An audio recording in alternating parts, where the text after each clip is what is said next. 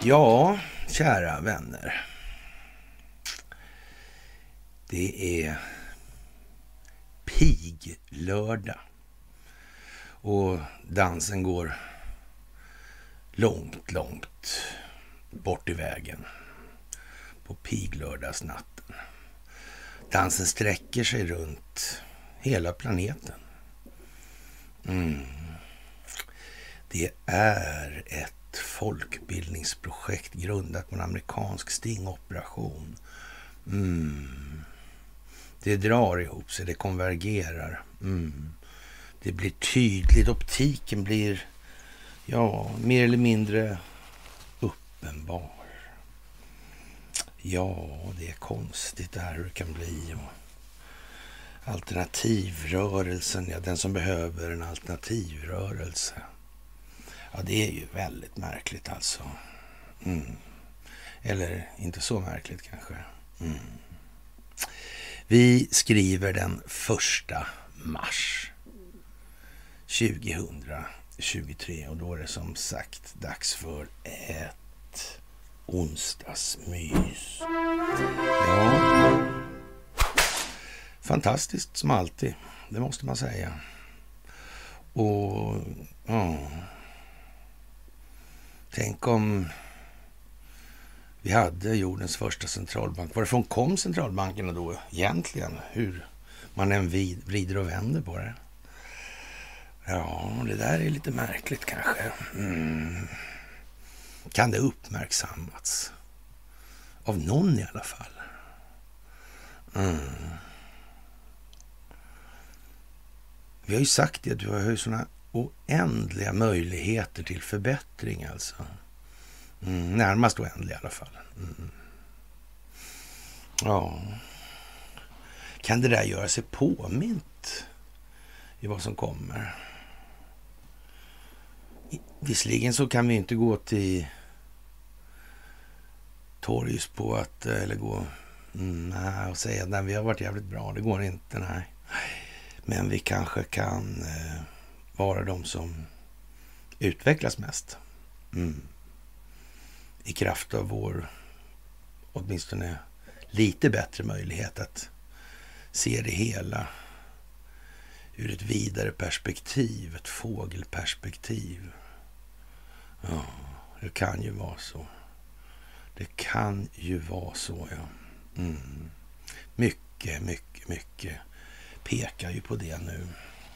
Man kan säga att eh, noga räknat inget alls pekar på någonting annat överhuvudtaget. Nej, det verkar precis som att det är helt otroligt planerat det här. Av någon anledning. Mm. Konstigt alltså. Hur det har blivit med allting. Mm. Svårt att säga.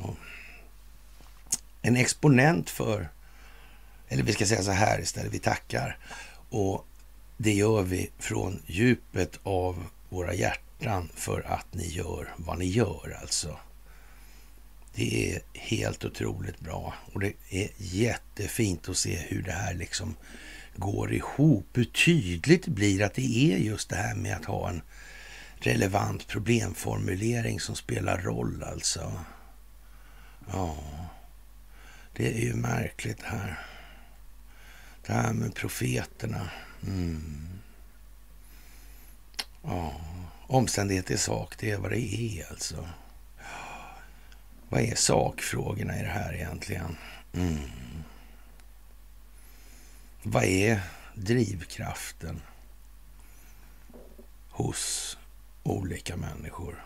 Mm. Så återigen alltså, tack för gåvor på Swish och Patreon och tack för att ni fördjupar er på karlnorberg.se och tack för att ni hakar på Telegramtjänsten. Det är, går inte att beskriva hur viktigt det ni gör är nu. Och, och, det är inte utan att det känns eh, lite olustigt faktiskt det här med att det, ja, det kokar ihop så intensivt alltså. Ur så många olika perspektiv. Mm. Det är svårt att se att den svenska befolkningen ska bli utan roll i det här om man uttrycker sig lite hovsamt alltså. Det är ju faktiskt det. Det är nästan helt omöjligt faktiskt. Mm. Kanske inte bara nästan. Mm. Vilka är det som ska beskriva för omvärlden hur de här strukturerna kan komma att te sig, vad det lider? Är det en amerikansk expert som ska uttrycka som det kanske? Nej, det är ju inte det. Det kan inte bli det.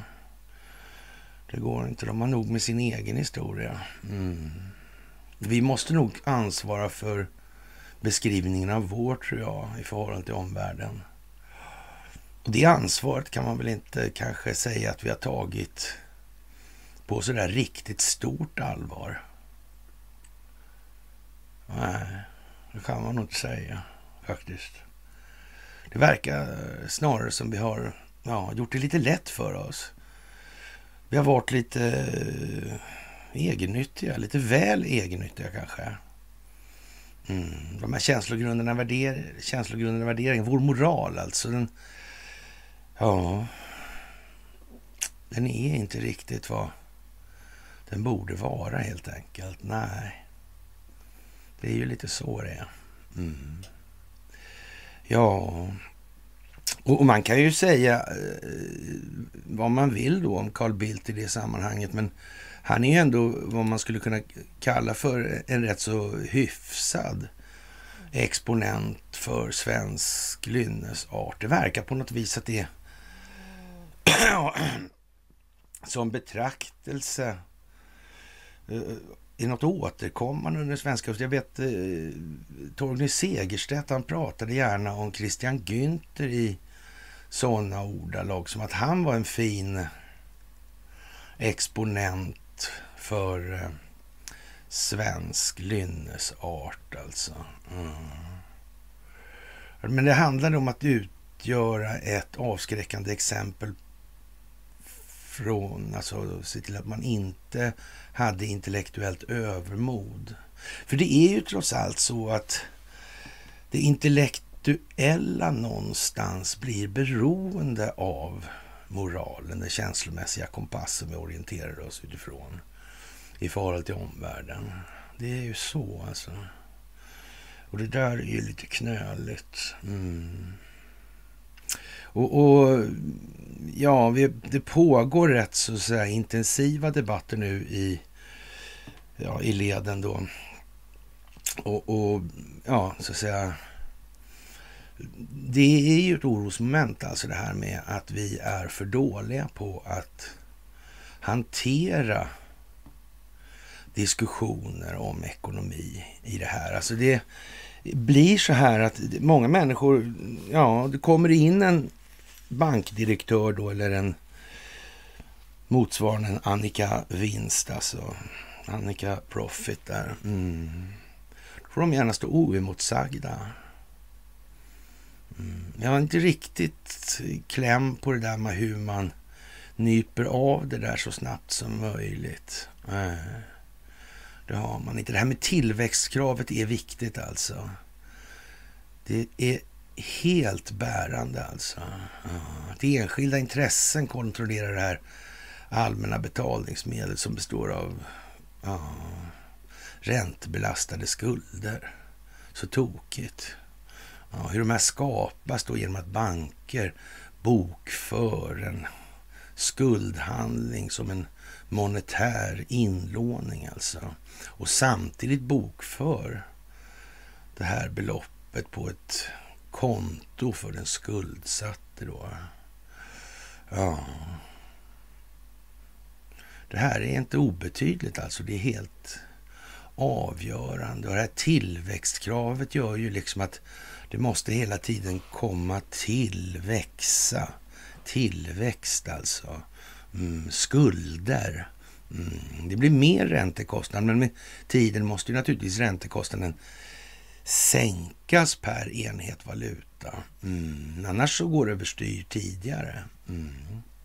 Och, och, det här är inte riktigt Ja, vi får bättra på oss i den delen alltså. Det är inte så svårt alltså. Det finns massor med klipp och eh, ja, föreläsningar på det här. Om det här. Mm. Det är viktigt.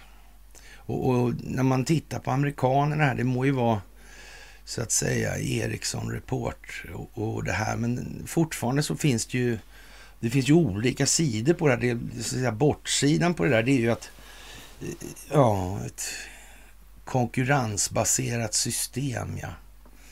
Mm. Är det riktigt bra det då? Annars är det kommunism naturligtvis. Det där är ett dilemma alltså. Mm.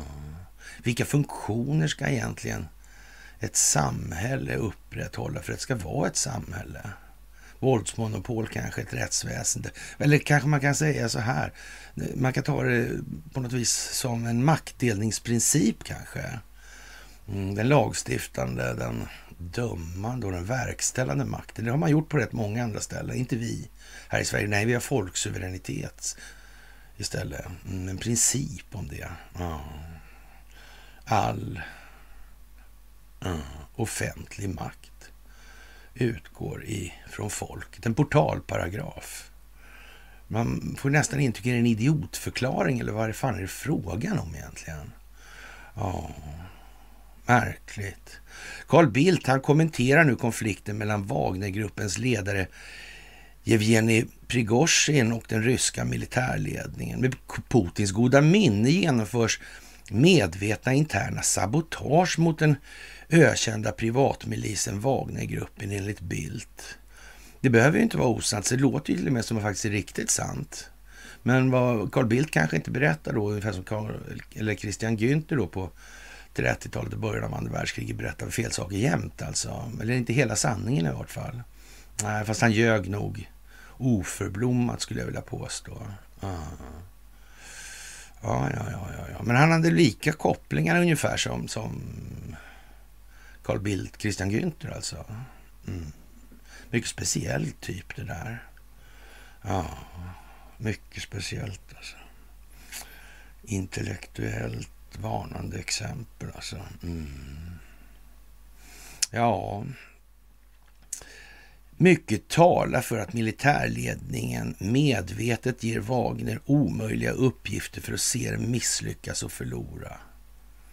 Ja, man kanske inser, eller har insett för länge sedan, kanske för länge, länge sedan, att det här med att ha ja, privatmiliser,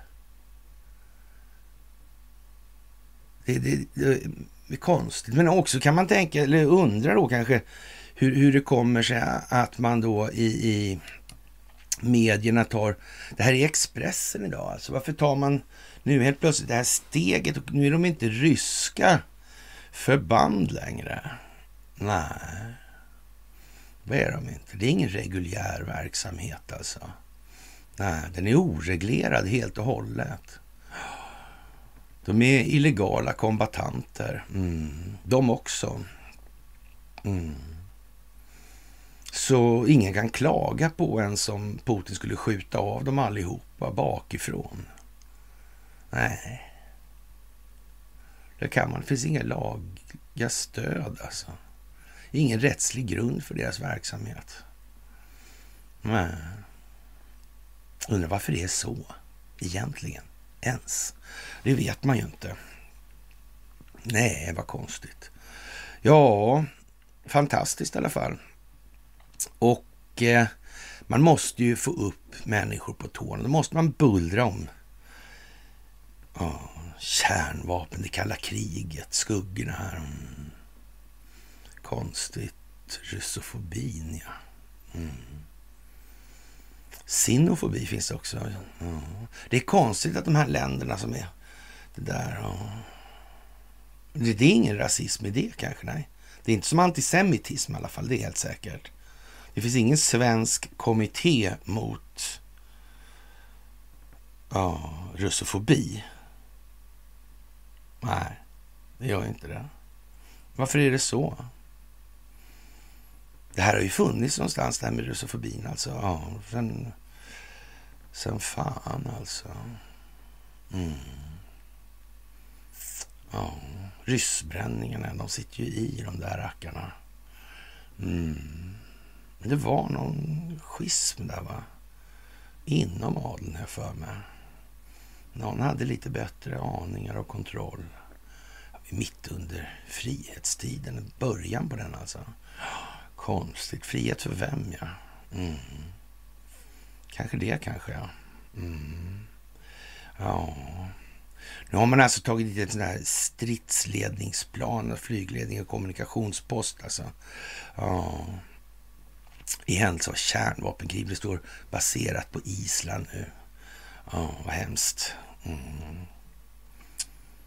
Vi får säga som han, advokaten Egerman frågar greve Malcolm i Sommarnattens leende där hemma och så mm, Madame Armfelt, den yngre upplagan, alltså Eva Dahlbeck.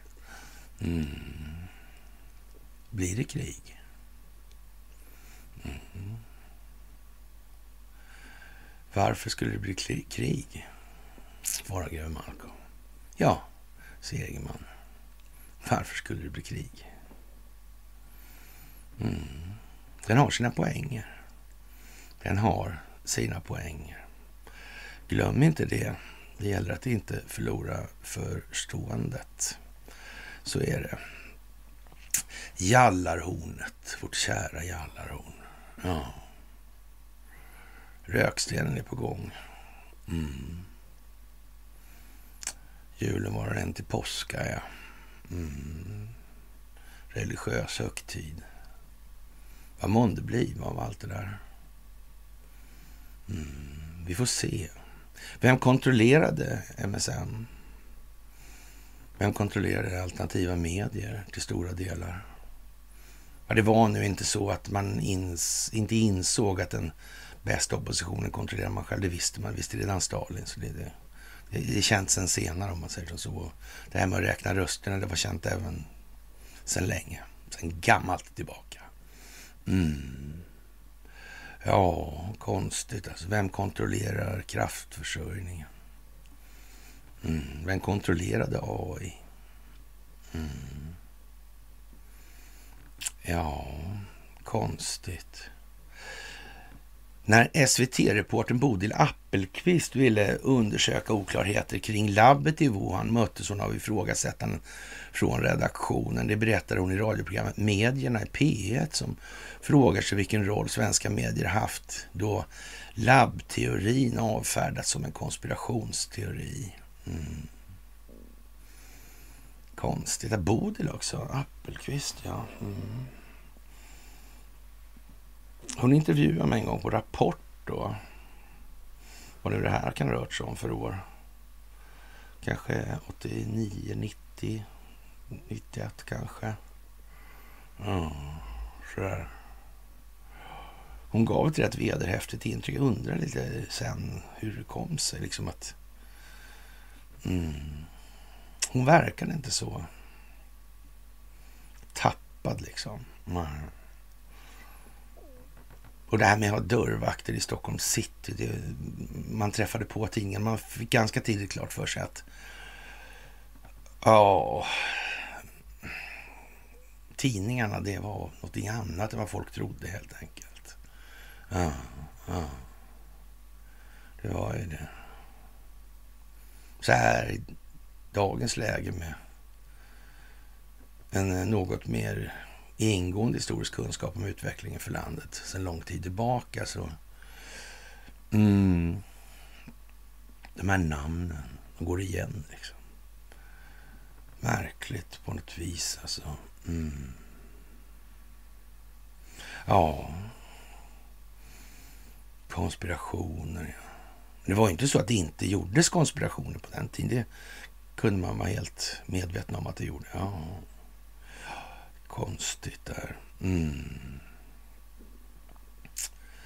Det är lite udda och i flödet kom det upp det här med skorstenarna till, till Titanic Olympic och Olympics, Olympics skorsten var märkt 400 där. Konstigt. Varför kommer det upp? Vad spelar det för roll? Liksom? Varför poängterar man det? Vad har det med någonting att göra ens? Uh. Kan det ha med Fed att göra? Mm. Kan det ha att göra med de som inte vill införa Fed kanske? Mm. Kan det vara så? Kan det ha att göra med... Mm. Vad hette han? André Oskar kanske? Mm. Kan ha att göra med Calcutta? Ja, vet ju inte. Sedermera med telefoner och annat. Ja. I rätt så stor utsträckning kanske. Ja, kan vara så. Kan vara så. Ja. Det är ju undligt alltså. Och de här namnen som kommer tillbaka hela tiden och är inblandade och mm, genom historien över ja, rysk-japanska kriget. Den första försöket till rysk revolution där. Um, införandet av Fed, första världskriget. Mm. Titanic. Mm. Ja, interregnum, mellankrigstiden. Mm. Tillverkning av kanoner på licens åt Krupp. Skapandet av Saab med Junkerbombare i loggan. Mm. Väldigt lattjo. Nej, men ändå alltså. Men det hänger verkligen inte ihop alltså. Nej. Familjen Wallenberg skötte utrikespolitiken, skötte till och med Riksbanken. Den, ja, den politiskt oberoende. Mm. Det är märkligt hur det kunde bli så. Ja. Advokaten Hugo Stenbeck där. Advokat åt familjen Wallenberg och så. Mm. Var med i den här kungliga kommissionen som ta, ja, tog tag i det här med ja, kriget dog. Mm. Just det, revisionen gick ju fort. Den franska revisionsbyrån som inte kunde ett ord svenska. Ja. Mm. Jag vet inte. fan kan det här vara? Ja, episk dokumentär nu om Jan Stenbeck. Mediamogul och miljardär. Media just också, vad lustigt. Mm. Det är ju märkligt. Hänger inte ihop eller så? Nej. Nej, man vet ju inte faktiskt. Det gör man ju inte. Nej. Och Pentagon tror helt plötsligt att eh, Kiev skulle be behöva betala för vapnen från, som kommer från USA. Alltså det är ja, biträdande försvarsminister mm, för internationella affärer, Celeste Wallander. Är det någon detektiv kanske? Eller så? Jag bara namnen alltså. Att det alltid är så där på något vis alltså. Ja. Mm. Märkligt det där. Wallander, ja, skulden. Mm. Speciellt alltså. Ja. Och han Kristoffer Rey, han säger helt plötsligt att det där är en labbläcka. Det här med covid-idiotin alltså. Mm. Det är någon som hållit på med forskning på patogener alltså. Mm. Ja. Och ökat det där, alltså gain of function. Ökat funktionaliteten. Där. Ja. Konstigt, ja. Mm. Verkar komma från Kina fast med CHYNA alltså. Ja. Kan det vara så konstigt? Någon liksom missuppfattningar i språktolkningen alltså. Mm. Du, var det inte så att Sverige sa någonting om ukrainska forskare i de här sammanhangen? Och på tal om den här covidiotin, sa inte Kina att Sverige skulle bli ett svart hål i det här? Jo, det gjorde de ju. Just det, ja. Vad är det som är så specifikt, eller ska vi säga kännetecknande med svarta hål då? Mm. Det är en ganska hög gravitation där, ja, i alla fall läst att det ska vara. Jag vet inte. Jag har inte varit där och tittat så. Jag vet inte. Men, mm. Hm. Ja, det graviterar liksom på något vis. Mm. Det är ju så. Det är omättligt också tror jag. Det verkar precis som ja, sinnelaget hos ja, det här vi ska akta oss för. Mm. Det som förstör vår moral. Ja, och gör oss omänskliga. Mm. Ja, det är mycket som händer här nu alltså. Och, och den djupa staten måste ju se till att det här inte blir Donald Trump igen alltså. Mm, det kan de ju försöka med om vi säger som så. Mm. Det här är teater, alltihop. Hela uppsättningen med underlivsporslinet är också teater. Eller som Kent Werne skulle säga eller uttrycka saken, eller formulera saken kanske. Allt är en konspiration mm, i det här. Allt. Alla är inte medvetna om det. Nej, det är de inte. Mm.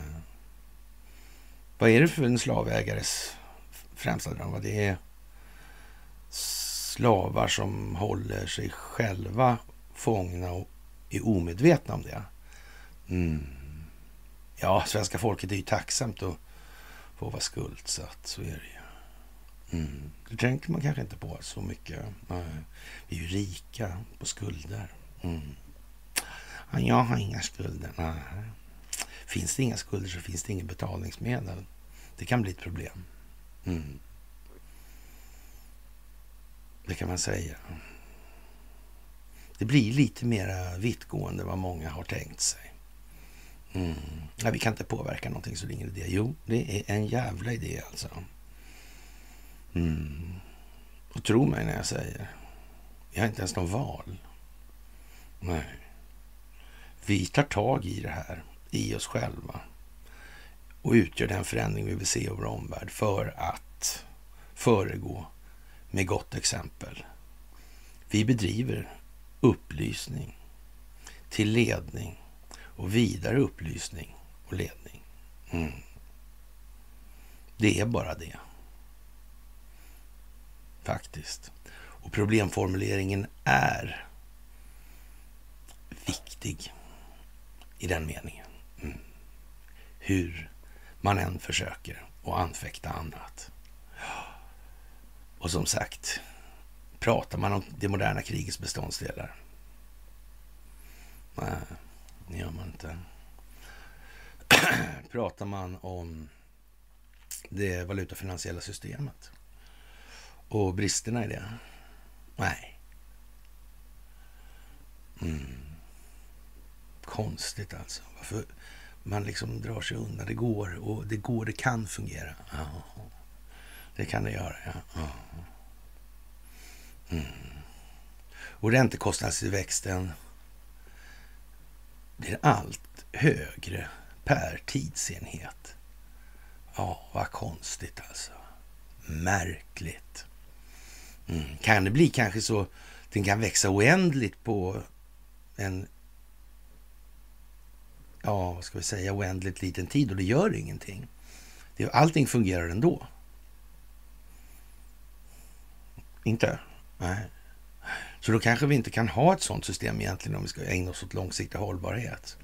Och tillväxtkravet är ju jättebra alltså. Ja, det har fört med sig mycket bra alltså. Ja. Mycket... Ja, mycket liksom realvärdeförädling. Alltså. Det, är liksom, det är nästan en synonym. Mm. Eller så kanske det inte är en synonym helt enkelt. Jag bara, vet ju inte sådär alltså.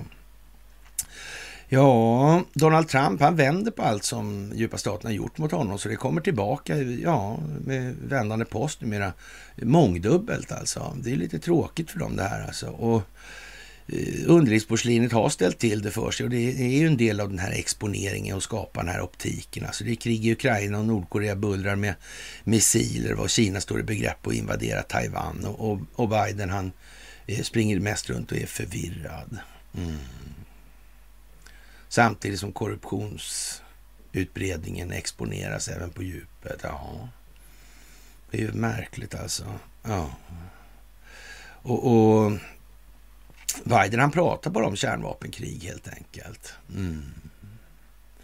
Fast det vet jag inte om man gör heller egentligen. När man, ja, man kan säga det, men det är ju lite av poängen i det här. Det måste skapas en optik alltså. Mm. Ja, hela världen ser och hör det här och, och, och säger vi vill inte ha något krig. Varför skulle vi ha det för? Av vilken anledning? Vad, vad, vad ska resten av jorden blanda sig i det där för? Vad är anledningen till det? Vem gynnas av det? Ja, risken är naturligtvis att eh, Vladimir Putin med onda ögat kommer hit och, och, och snor vår livsstil som utgör ett hot mot dem, då känner han tydligen. Eller var det bara pur, eller ren och skär avundsjuka det handlade om? Ja, nej, jag vet inte alltså. Och, och, när människor hör det här med kärnvapenkrig, då känner de väl liksom att nu, nu har vi nått vägs ände. Alltså vi står på kanten till stupet där alltså. Mm. Och, men det måste på. Det måste dras till att människor anstränger sig nu. Och det kommer att bli så också. Ja, och när människorna tycker då att det här räcker då, då, ja, då får de nog styrkan att säga ifrån också. Det här är inte okej. Okay. Under inga omständigheter faktiskt. Nu är det nog helt enkelt. Det räcker. Det är färdighaft liksom. Mm. Kan det ligga med i planen? Mm. Ja, vi får se hur mycket corny moment som behövs alltså. Det här är osvuret bäst alltså, det kan man säga. Det är lätt att säga att 17 spänn räcker för att de ska fatta liksom. Och berättar jag bara om jag kriger och så vidare och så vidare och så vidare. Och så vidare. Det är riktigt så enkelt går det inte. Mm. Men man kan säga så här, också, vad, vad, de här 20 procenten, som de har tre som drar med sig 17 som ja, bildar 20 som drar med sig 80. Man kan ju säga så här att bland de här 3 procenten bör det definitivt eh, finnas förmåga att föra argument för varför den här situationen inte är långsiktigt hållbar. Den bör ju kunna föras ur alla tre perspektiven av den geopolitiska historiska utvecklingen. Det måste kunna föras ur den monetärmekaniska aspekten eller perspektivet och det måste kunna föras ur den eh, ja, emotionellt självförståelsemässiga perspektiv, perspektivbildningen också. Mm. Och så måste det här komma, alltså, ja, det måste liksom konden, kondenseras ner där. Mm. Det går alltså inte att tro att man har världens mest efterblivna själsliga utveckling och, och, och sen tror man att man ska skapa ett rättvist system. Det kommer ju inte att bli så. Det händer ju inte. Nej. Så det, de här aspekterna går ju i varandra också. Mm. Precis som det moderna krigets beståndsdelar går i varandra. Mm. Det är ju jättesvårt med betalningsinfrastrukturen utan ja, kraftförsörjning och datorer och kontosystem och betalningsmedel. Och, ja, det är ju det alltså.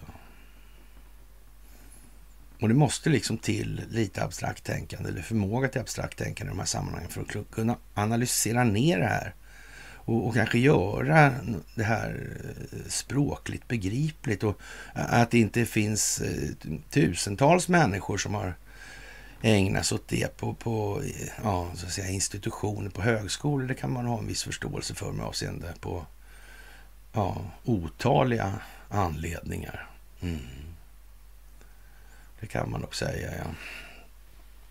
Ja, och man, man får väl eh, hoppas att det liksom eh, fäster. Mm. Men som sagt, de här tre procenten, det, det vilar ju liksom ett rätt så tungt ansvar. Den 17-procentiga delen, det räcker ju liksom att man förstår och sen får man så att säga jobba sig uppåt och sen flyttar sig hela det här spetssystemet då i det allmänna medvetna medvetandet. Mm. Den kunskap som vi besitter idag, den är ju förhoppningsvis någonting som en ja, högstadieklass besitter om några decennier bara. Mm. Det är så det måste Och vi som kanske till och med lever fortfarande då, vi befinner oss förhoppningsvis ännu längre fram i vår utveckling. Mm. Det går aldrig att stanna av i det här. Eh, man måste hantera de här tre delarna. Mm. Man måste veta vad vi har varit för att kunna veta vad vi är. Och utifrån det kunna extrapolera och orientera oss mot framtiden. Mm. Så är det.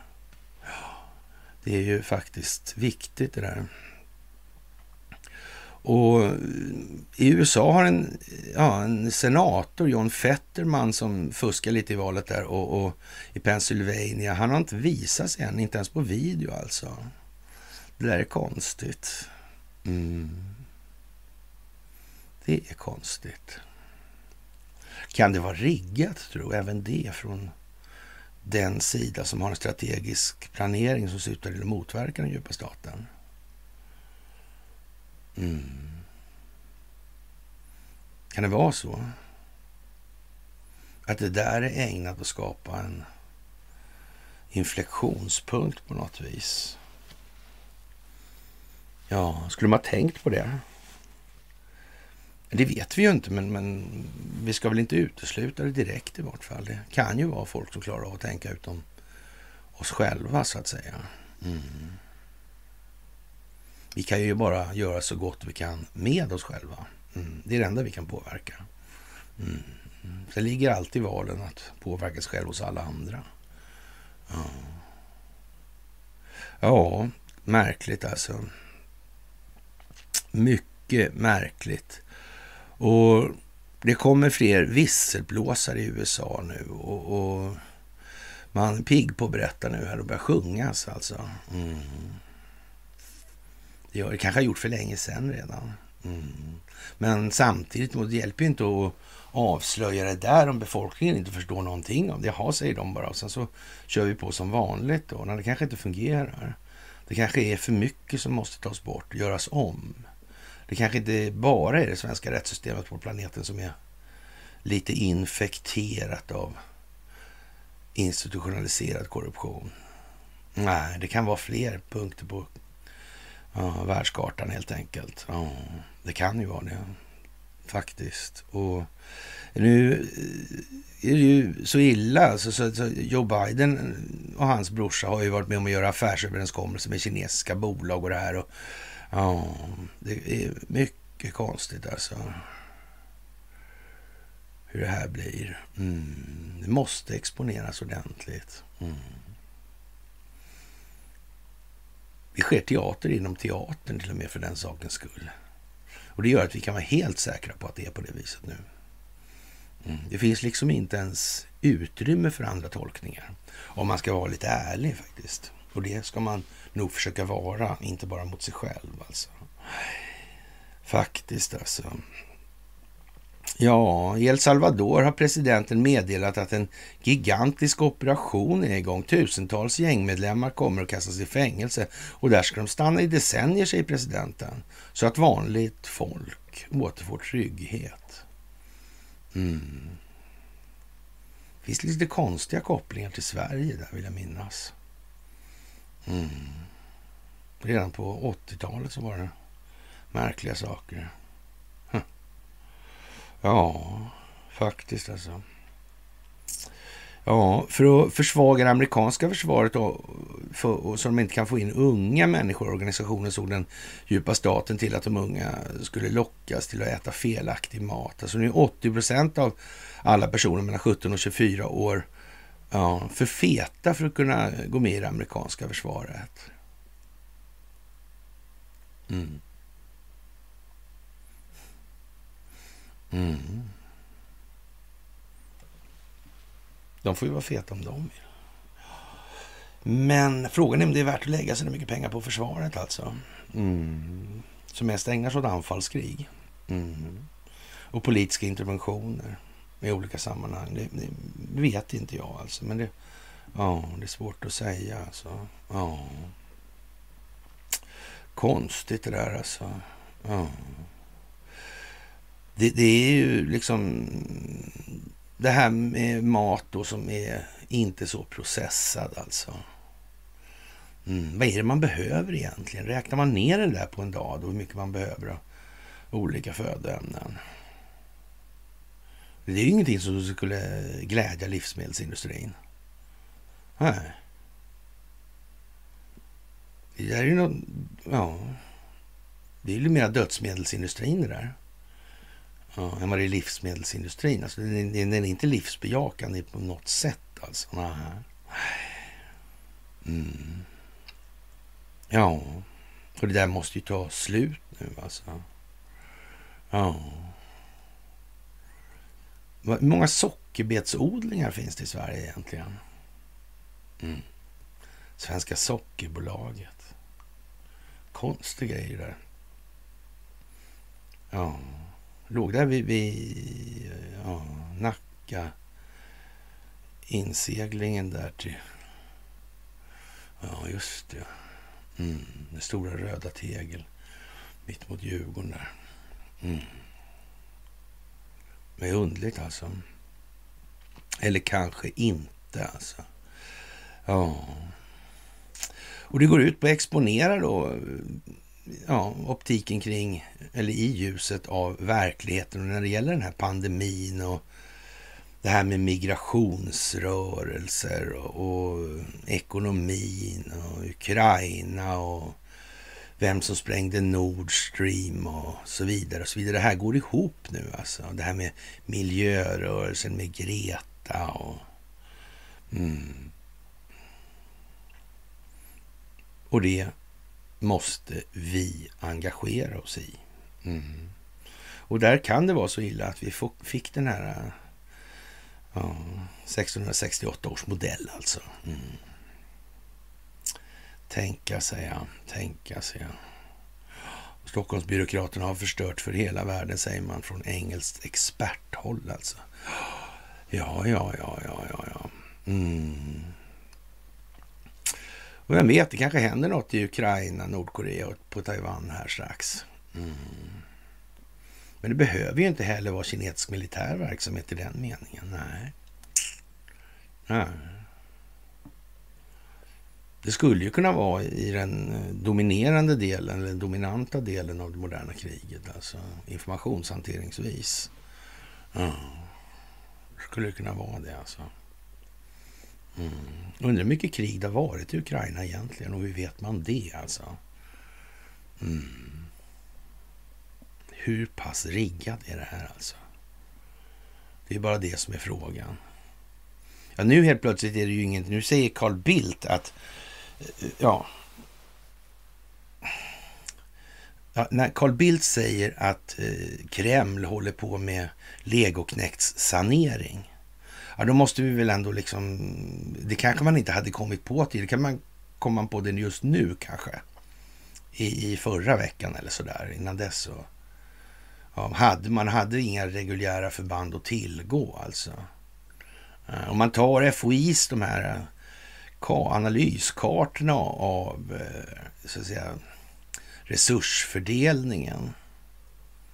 Mm så kan man ju säga att de, de stämmer inte så där jättebra med så att säga de uppvisade eller som de uttryckta strategiska överväganden som har gjorts tydligen. Nej, det gjorde de, kan man inte säga alltså. räckvidderna till exempel på indirekt eld och så vidare. Ja, det är hål i det där alltså. Det är hål, fler hål än i en lergök alltså. Det är ju det. Mm.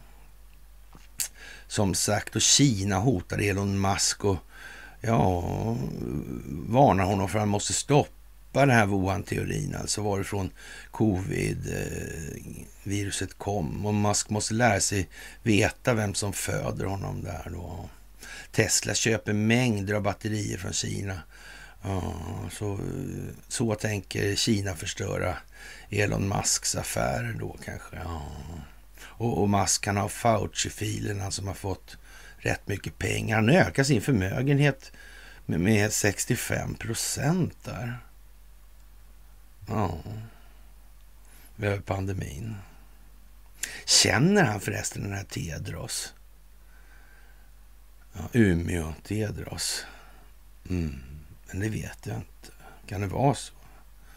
Ja. Han kanske känner någon på AstraZeneca, Fauci. Jag vet inte. För den här gensaxen kanske ändå har varit inblandad i de här sammanhangen. Eller? Mm. Hur, hur, hur, det där med patentet på det liksom. Är det bara för att använda då eller betalar de instituten som använder den här tekniken då som är patenterad? Betalar de eller hur fungerar det där egentligen? Mm. Det är konstigt. Går det att spåra liksom när de har betalat de här licensavgifterna då? Eller om de inte har betalat dem? Om använt den ändå kanske, eller? Men varför har i så fall ingen sagt ifrån? Det borde ju... Ja. ja jag menar, om alla de här vaccinen som tog fram, togs fram av olika märken, om alla har använt den här tekniken borde ju det finnas, så att säga, dok, en, en dokumenterad historia bakom det här alltså. Ja. Eller också borde det som sagt pågå en massa immaterialrättsliga tvister i saken. Mm, hur är det där egentligen? Det är konstigt alltså.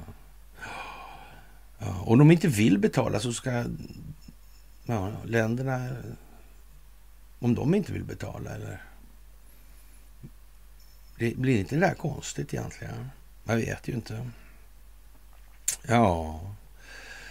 Ja, Biden-administrationen försöker få igenom WHOs avtal om att de tar över alla länder och, och, när det gäller att bestämma när det är en pandemi och också kunna ange desinformation. Alltså det här är ju på kalanka nivå nu alltså. Helt plötsligt tycker Carl Bildt att det rensas legoknektar.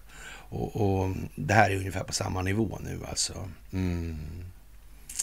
Och ja, det där är ju märkligt alltså och att vaccinet ger bättre immunitet än ett naturligt. Ja, den naturliga vägen att bli immun då. Mm. Det är också konstigt. Mycket konstigt det här alltså. Ja, yttrandefriheten måste komma mer i ljusta verkligheten alltså. Ja. Vi har precis lämnat det där när folk förstår att det här med att rösta på och trycka på knappar eller sådär när hela eh, röstprocessen, röstningsprocessen är... Uh, alltså vi har inte ens spårbarhet på våra, så det är ju liksom... Vi är, vi är inte på banan om man säger som så. Våra. Uh, vi är valhemlighet istället. Mm, mm. Ni kan inte ens själva bevisa vad vi röstade på. Nej. Ja, det är konstigt naturligtvis.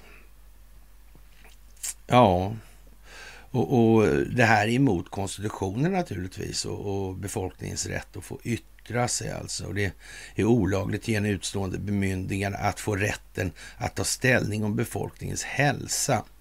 Och ja, konstigt alltså. Mm.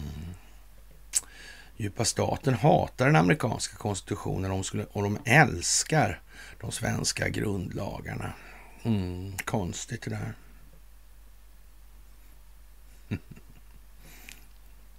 ja. Historien går igen alltså. Ja. Faktiskt. Ja. Och ja, symboliken är ju vad den är då när ett skoldistrikt i Georgia blir tvungna att betala 100 000 dollar i avgifter för att skolstyrelsen vägrat att följa föräldrarnas vilja att ta bort, ja, ska vi säga woke-litteratur då i skolan. Mm. Ja, Skolstyrelsen försökte tysta föräldrarna och gick till domstol och en federal domare dömde till föräldrarnas favör då. Ja. Och, och distriktet blev tvungna att betala föräldrar 17 dollar och 91 cent. Mm. Ja, det var ju året innan maskeradbalen, alltså 1791. Mm. Hur var det med det där frihetskriget? Fanns det någon supporter i Europa där? Mm. Ja, konstigt faktiskt alltså. Ja. Första tillägget i konstitutionen, yttrandefriheten. Och så fick de betala advokatkostnader på 117 000 då. 17 kanske, ja. Mm. Lek med siffror för alla ja, numerologiskt roade. Ja, sydafrikanske presidenten förklarar landet i katastrof och elen har kollapsat på gator och torg råder kaos och våldsverkare plundrar och slår sönder. Det är nära ett inbördeskrig. Ja. Mm, men ett inbördeskrig förutsätter då alltså att det finns två jämbördiga parter som kan mm, göra strategisk planering på den nivån. Alltså. Mm. Annars blir det bara någon liten lokal regional skärmytsling. Mm. Det får man också tänka på nu. Ja. Och Ukraina är skit då i en sån här disk, dis, ja, eh, diskussionsgrupp där och Twitter, är uppe på Twitter till och med. Och Sverige är, är den amerikanska fienden. Mm. Det där är ju lite spällt, eller speciellt får man nog säga. Och Ericsson-rapport, ja.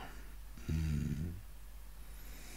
Men som sagt, det är svårt med alla delarna på andra håll. Vi har våra delar mm. och våra grunder. Vi har vår formatering, vår hjärntvätt, vår mentala träning. Mm. Och det är vad vi har att utgå ifrån. Vi har våra egna känslogrunder och värderingar. Mm. Och vi har ju som sagt en enorm fördel i att vi har så stor utvecklingspotential kan man säga. Ja, man får se det ja, goda med det onda helt enkelt i den meningen. Ja. Och det är mycket, mycket speciellt faktiskt. Och, och det här med den mentala träningen och vad har man hållit på med och varför. Och det, det här med att läsa till exempel, det är ju väldigt bra för det gör man själv. Alltså man har sina egna tankar att hantera. Och sina egna känslor att hantera utifrån det man får som intryck när man läser. Mm. Det är rätt så bra alltså. Mm. Det handlar om språket. Mm. Svenska akademin, ja. ja. Just det. Det handlar om ord. Ordens värdeladdning. Mm. Ordens betydelse. Mm. Som vanligt i samtiden då, eh, det brittiska förlaget Puffin planerade nyligen att återge Roald Dahls böcker böcker och ville därför retuschera texten. Dahls språk är omodernt ansåg förlaget. Ord som tjock och ful skulle bytas ut mot könsneutrala ord som skulle läggas till då, med mera. Nyheten kom för dryga veckan sedan och blev det, och det blev som det alltid blir. Alltså topplocket rök för både Nisse i Hökarängen och världsberömda författare som Salman Rushdie. Ja, svenska medier rapporterade och de flesta höll med Nisse och Salman. Oavsett sida i debatten eh, går de upp i ringen insmorda i böjbolja och kämpar för livet. Alltså. Profilerade röster som sällan eller aldrig krönikerar om barn och ungdomslitteratur skrev indignerade texter om, ja, och det spred sig långt utanför kultursfären. Ja, det blev alltså som det så ofta blir när barnklassiker landar i samtiden. Och den här gången var nästan alla eniga. Andra gånger har det varit svårare. Pippi Långstrumps pappas CV är numera aningen mer kontroversiellt än konstateranden att någon är tjock. Ja, är det Mör nu knubbis va, tror det var där också? Ja, så var inte en negerhövding för säkerhets skull. Jag kan ha fel. Mm. Ja, jag vet inte faktiskt. Ja, på Kurrekurreduttön tror jag den hette. Med, med kraftig reservation på det, på det alltså. Jag har för mig det var så i alla fall. Ja, det är glädjande för de här frågorna är viktiga. Hur barn ska möta, få möta världen. Vad ska vi Ja, och vad ska vi inte skydda? Vad ska vi skydda dem och vad ska vi inte skydda dem mot? Vilka referensramar just den här generationen ska få? Ja, det kan ju vara ganska bra alltså. Referensramar är en hyfsad pryl att ha. Ja, så det är kanske är viktigt att påverka dem om man vill styra folk. Någon kan ju ha kommit på det, rent utav faktiskt. Lika glädjande, apropå det, är när litteraturkanon i skolan diskuteras. Ja, människor och vuxenkulturprofiler kämpar för något som spelar roll. Tystare är det i mellanrummen. Det är ny vecka. Det är fortfarande livsviktigt med barnkultur och barns läsning, men i ringen finns det knappt eh, ens eh, babyolja kvar. Det verkar för de flesta bara vara viktigt så länge frågan gäller något som man kan bråka om, gärna med koppling till den egna barndomsminnen då, Söderhavskung, bra eller dåligt alltså. Obligatorisk uh, Maria Gripe-läsning, bra eller dålig. Ja, sen går alla vidare och vill inte diskutera någon, någon, något komplext. Ja, till exempel varför barns läsning minskar. Mm. I förfjol ja, rapporterade Statens medieråd om minskat läsande i alla åldrar. Endast 8 procent av de äldre tonåringarna läser varje dag. För tio år sedan låg den här siffran på 23 procent. Och i det som tidigare kallades för bokslukaråldern 9 till 12 år läser bara var femte barn dagligen. I höstas gjorde Skolinspektionen en granskning av det läsfrämjande arbetet i grundskolan. Resultatet, ja, läsfrämjandet sker ofta på initiativ av enskilda lärare. Rektorer tar sällan sådana här initiativ och läsningen får mindre utrymme ju äldre eleverna blir alltså. Ja, barns läsning är främst intressant när det finns något att kulturkriga om alltså. Det är logiskt i ett land med skolpolitiker som tillåter att en halv miljon barn saknar tillgång till skolbibliotek. Vår förra skolminister Lina Axelsson Kilbom, socialdemokrat, blev varse frågan men gjorde inget åt saken. Det fanns ett förslag på regeringskansliet som begravdes eller möjligen eh, begick eh, förslaget harakiri. Före höstens val svarar Liberalerna i en enkät i Biblioteksbladet som enda blivande Tidöparti att alla barn ska få tillgång till ett skolbibliotek. Bildningspartiet i Liberalerna då, alltså Lotta Edholm, fick posten som skolminister. Gissa vad som hittills inte har hänt? Ja, ja ingenting har väl hänt, så allt då? då. Ja. Och eh, det finns antagligen inget politiska politiskt pris för att inte agera i frågan. I den breda offentligheten är barnkultur och barns läsning främst intressant när det finns något att kulturkriga om. Det ena behöver inte utesluta det andra. Ändå blir det så. Nästa gång blir kanske när någon upptäcker att språket i både Bibeln och barnversionen av Bibeln revideras för varje nyutgåva. Jag tror psalmboken och Frostenson var i farten lite grann också där. Det blev lite annorlunda helt enkelt. Ja. Kan det vara en tanke med det tror du? Tror någon det? Ja, jag tror det faktiskt. Jag, jag tror det kan vara så jävla illa, illasinnat alltså. Och att sånt här står i Dagens Nyheter en sån här dag, den första mars 2023. Mm. Det beror på någonting alltså. Mm. Och, och, lite grann sådär, men om, om det inte är det vanliga jallarhornet som skallar, då hör ju folk att det inte är det. Då är det ju inte liksom... Ja, då, då rycker de på axlarna. Den där jävla skiten orkar jag inte lyssna på liksom. Nej. Så det finns liksom en, en, del i det här som det är tvunget. Även om de dör så är de tvungna att göra vad de gör nu. De är tvingade alltså. Mm. Så är det. De här känslogrunderna, och värderingarna sitter ganska djupt förankrade hos många människor. Ja, det, det, det, är ju inte så mycket att diskutera om faktiskt. Nej. Det är så hårt alltså att konstatera att vi i Sverige befinner oss där vi är alltså.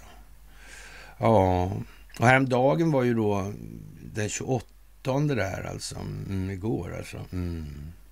Och det här med Stay Behind, Palmes planerade besök med Gorbatjov i mars då, 86. Mm.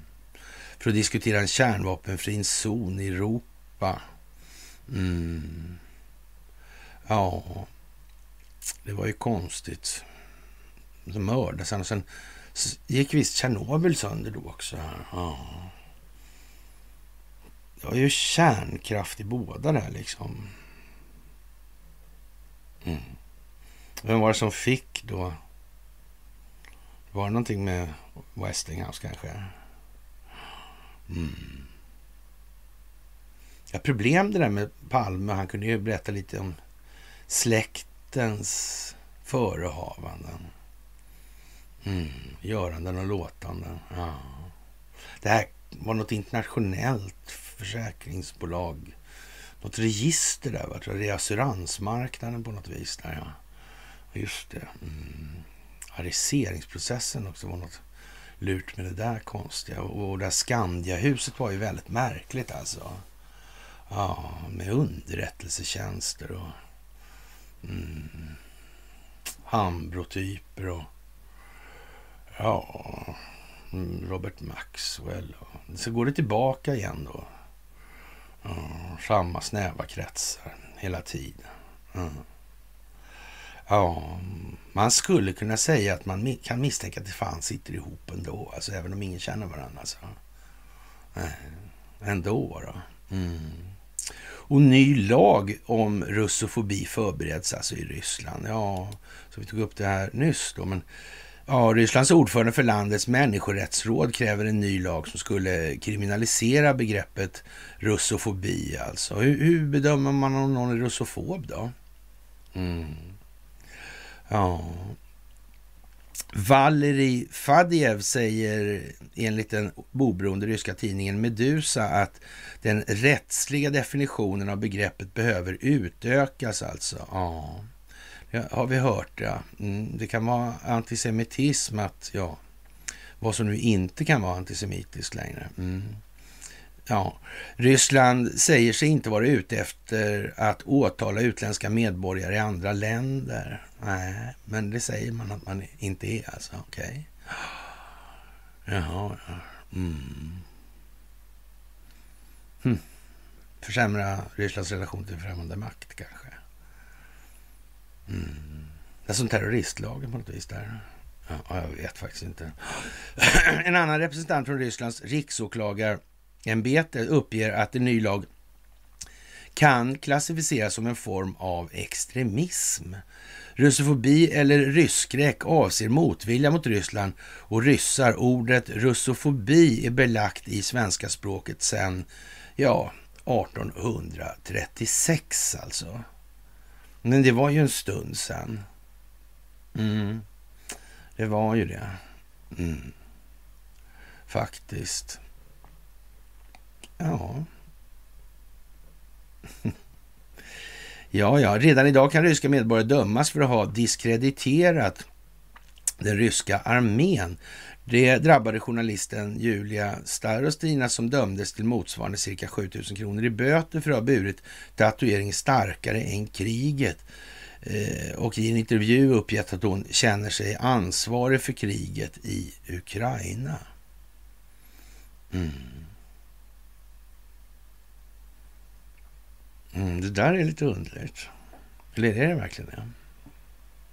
Ja, jag tycker det är rätt hyfsat faktiskt. Ja. Som sagt, det kalla kriget eller världskrigen går mot sitt slut. När ljuset från verkligheten skingrar skuggorna. Mm. Så är det. Jaha, och och eh, ett önsketänkande att Ryssland ska förlora i Svenska Dagbladet. Och det kan man ju säga är, är, är ingen standardformulering då. Mm. Rysslands stora förluster har övertygat många i väst om att Ukraina kommer att bli vinnare i kriget. Men enligt en högt uppsatt finländsk officer som svenska Ylet har talat med är den övertygelsen inget annat än önsketänkande. Nej. Ukrainarna tror att de är skickliga soldater, men du blir inte en bra soldat genom att ligga rädd i en skyttegrav i åtta månader. Det som krävs i utbildning, säger han. officerarna själv utbildade ukrainska soldater sedan i april förra året och menar att landet har klarat sig hittills endast på grund av den ryska arméns stora misstag. Och den här ryska armén är ju då uppenbarligen då eh, inte någon rysk armé, utan det, det är en legoknäckt eh, församling alltså som har kört det där med någon form av bistånd av någon reguljär enhet kanske. Men då kan man ju också tänka sig att eh, det behövdes eh, till exempel militärpoliser i det här. För att se till att Wagnergruppen inte roar sig allt för mycket på allmänheten, den ukrainska allmänhetens bekostnad. Det skulle man ju kunna faktiskt misstänka. Alltså det är inte exakt eh, jättesvårt nu det här. Nej, det är det inte. Ja, det, det, ja som sagt, den rys, de ryska styrkorna har lärt sig av sina misstag. Detsamma kan man inte påstå om de ukrainska, säger officeren samtidigt. Men de här ukrainska, vad är det för någonting? Då är det kanske läge att knäcka det också. Mm. Kan det vara så att den ukrainska militären har förstått det här på något vis redan från början kanske? Mm. Det kan det ju vara. Och, och, sen så har man då samlat ihop jordens legoknäktar. Mm. För en liten final helt enkelt. Mm. Ja, det ser inte bättre ut alltså. Ja. Och sen är det avrustning då på resten av planeten. Mm. Ja, men det låter ju speciellt alltså. Ja. Och den ukrainska arméns ledarskap, taktik och stridsteknik bedömer han som mycket dålig. Ja. Det är rena kanonmaten alltså. Mm. Ja, hur är det egentligen det här? Det är jättesvårt. Mm. En dag när Carl Bildt säger som han gör. Mm. Ja.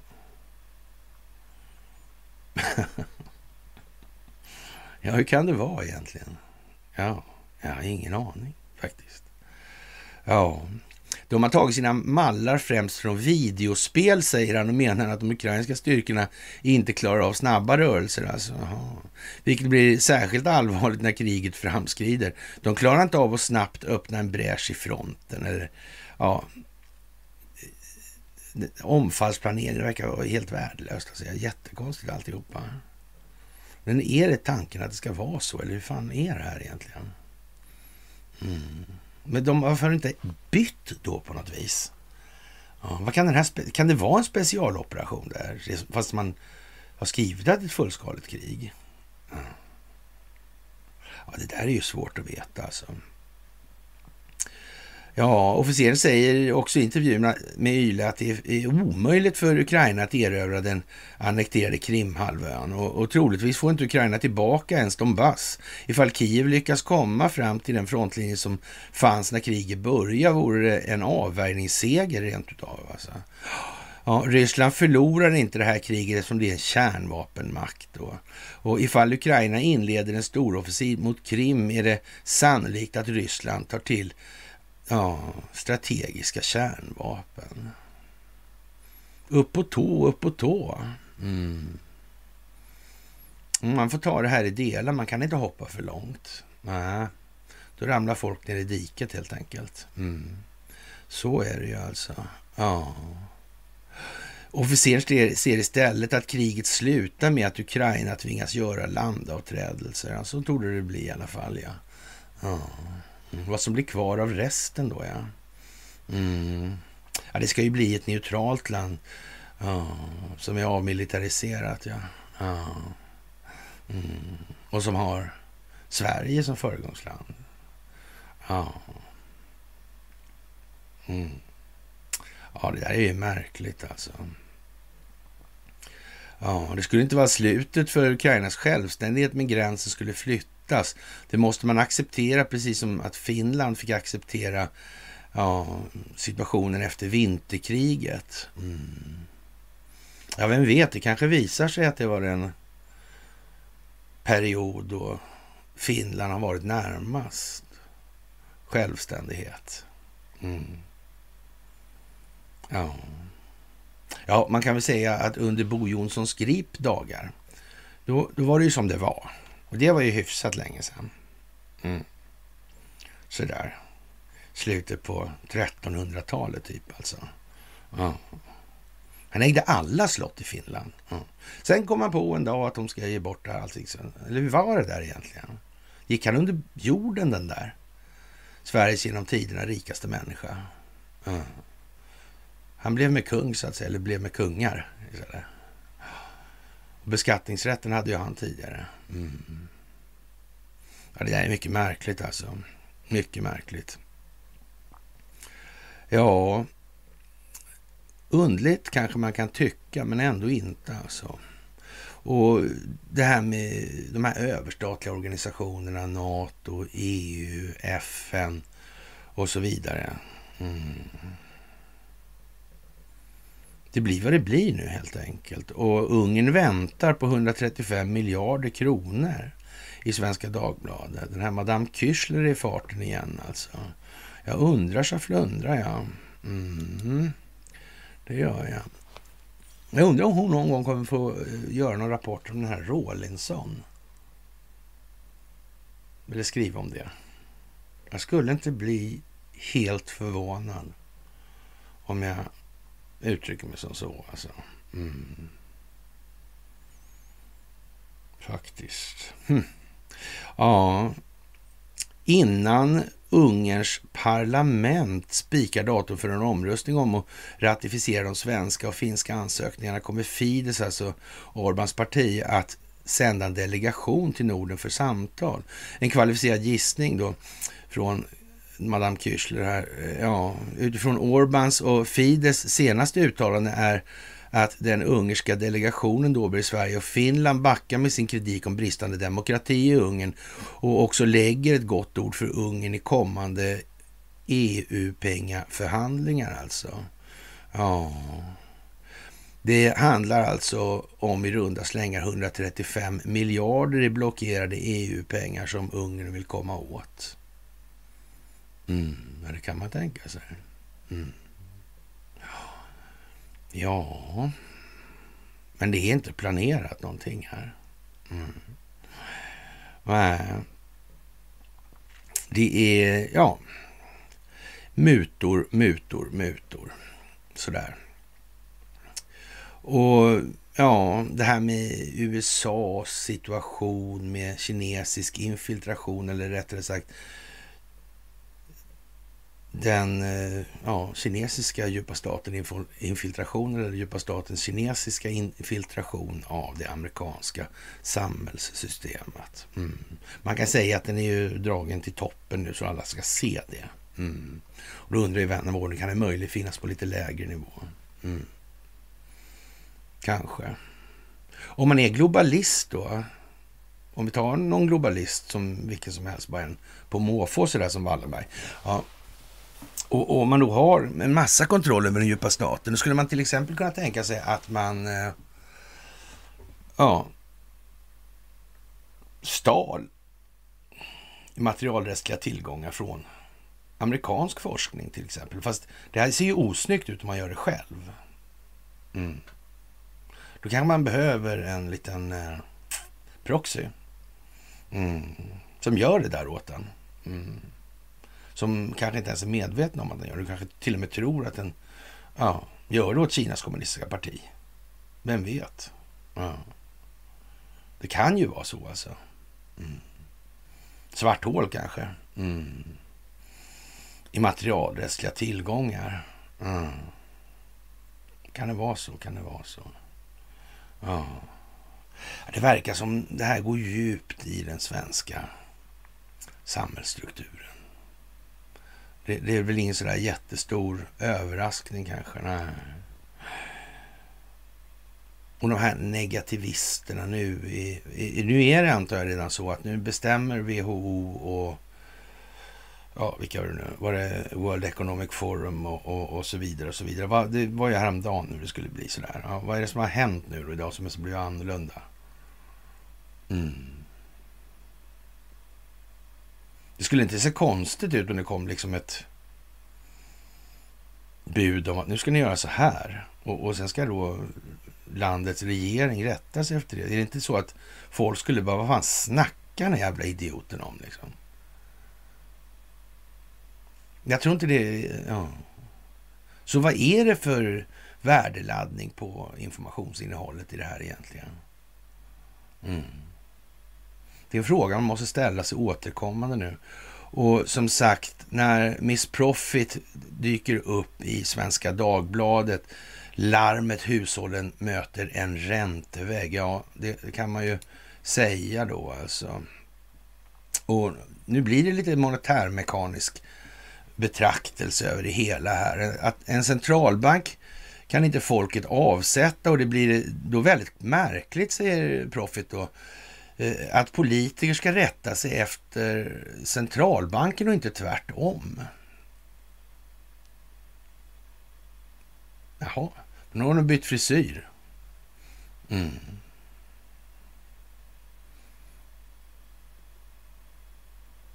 Ja, men vi måste ju ge honom det alltså. I den meningen alltså. Att göra som hon gjorde det, vid det tv-tillfälle som hon är mest känd för. Mm. Vad fick det för effekter? Vad var det för värdeladdning på det? Hur många är det inte av alla ni som tittar på det här som kände det där gav råg i ryggen. Kärringjäveln vet mycket väl att det här är någonting. Och så säger hon så där. Mm. Det gjorde hon, ja. Hon gjorde ju det. Mm. Lika som vi vart glada när första gången vi såg Oleg Deripaska försöka sno Putins penna. Ja. Mm. Det måste nog ha varit i säck innan det kom i påse. I, I alla fall en timme eller två innan, sådär kanske. Känns det som. Mm. Och det här måste ändå ta tid alltså. Ja, det gör det ja. Mm. Erik Thedéen har betonat att det är viktigt att höja räntan för att få bukt med inflationen, vad nu de två har med varandra att göra då alltså.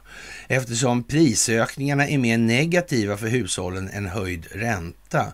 Vid, vid första räntebesked i februari sa riksbankschefen den höga inflationen gröper ut ur hushållens köpkraft med laserprecision. Men, men Annika Winst eh, har ju bytt frisyr nu så hon efterlyser en bredare syn på den här frågan. Uppenbart är det så att inflationsmålet som det hela tiden hänvisas till har blivit heligare än själva stabiliteten, den ekonomiska stabiliteten alltså. Jag tycker att Riksbanken huvudsak, huvudsak, Riksbankens huvudsakliga roll är att skapa en stabil ekonomisk utveckling. Det, det tänker jag är, var syftet med inflationsmålet. Det ska vara ett verktyg för att skapa förutsägbarhet och inte bidra till tvära kast i svensk ekonomi. Ja, det, det, är ju märkligt alltså. Det här med inflationsmålet där. Och, och inflödet alltså. Mm, man tänker sig då att det ska öka några procent. Mm, fast nu är det ju deflation i realekonomin. Mm, av någon anledning som är oklar. Och, och räntekostnaderna, de sammanlagda, tycks vara fantastiskt höga. Ja. Mm. Sen kommer det en artikel med Andreas Cervenka också som jag vet inte, men det känns lite som att det är någonting som är planerat, för det kuggar i varandra nämligen. Det är ju konstigt alltså. Mm. Voine, Voine. Vi måste ju ha liksom jallarhornet. Ja.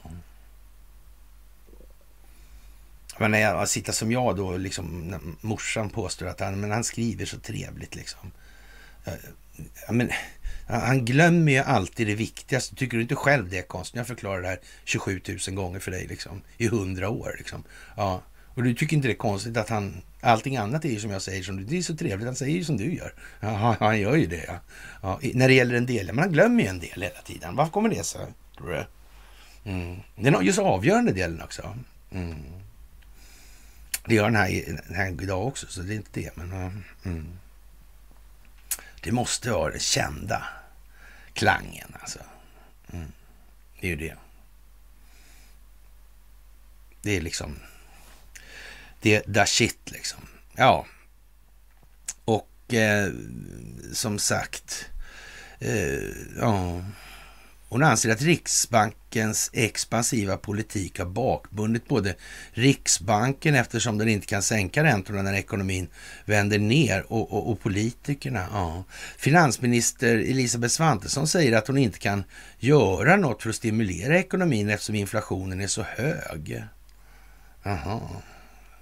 Det är liksom, ja, vi, vi röstar på en politiker och när svenska folket inte längre tycker att det håller måttet så röstar vi bort dem. En centralbank kan inte folket avsätta och då blir det väldigt märkligt att politiker ska rätta sig efter centralbanken och inte tvärtom. Alltså. Och vill du själv bli riksbankschef, då frågar man Annika Profit då. Ja, med ny frisyr då, alltså förvisso. Mm. Och om man är så högljudd som jag är tror jag inte förutsättningarna är så gynnsamma. Mm, nej, så kan man ju säga. Mm. Men som sagt, det var lite för deripaskiskt det där alltså. Jag vet inte hur jag på ett eh, bra sätt ja, ska förklara det. Där, Så att det inte blir pedagogiskt fel. Liksom.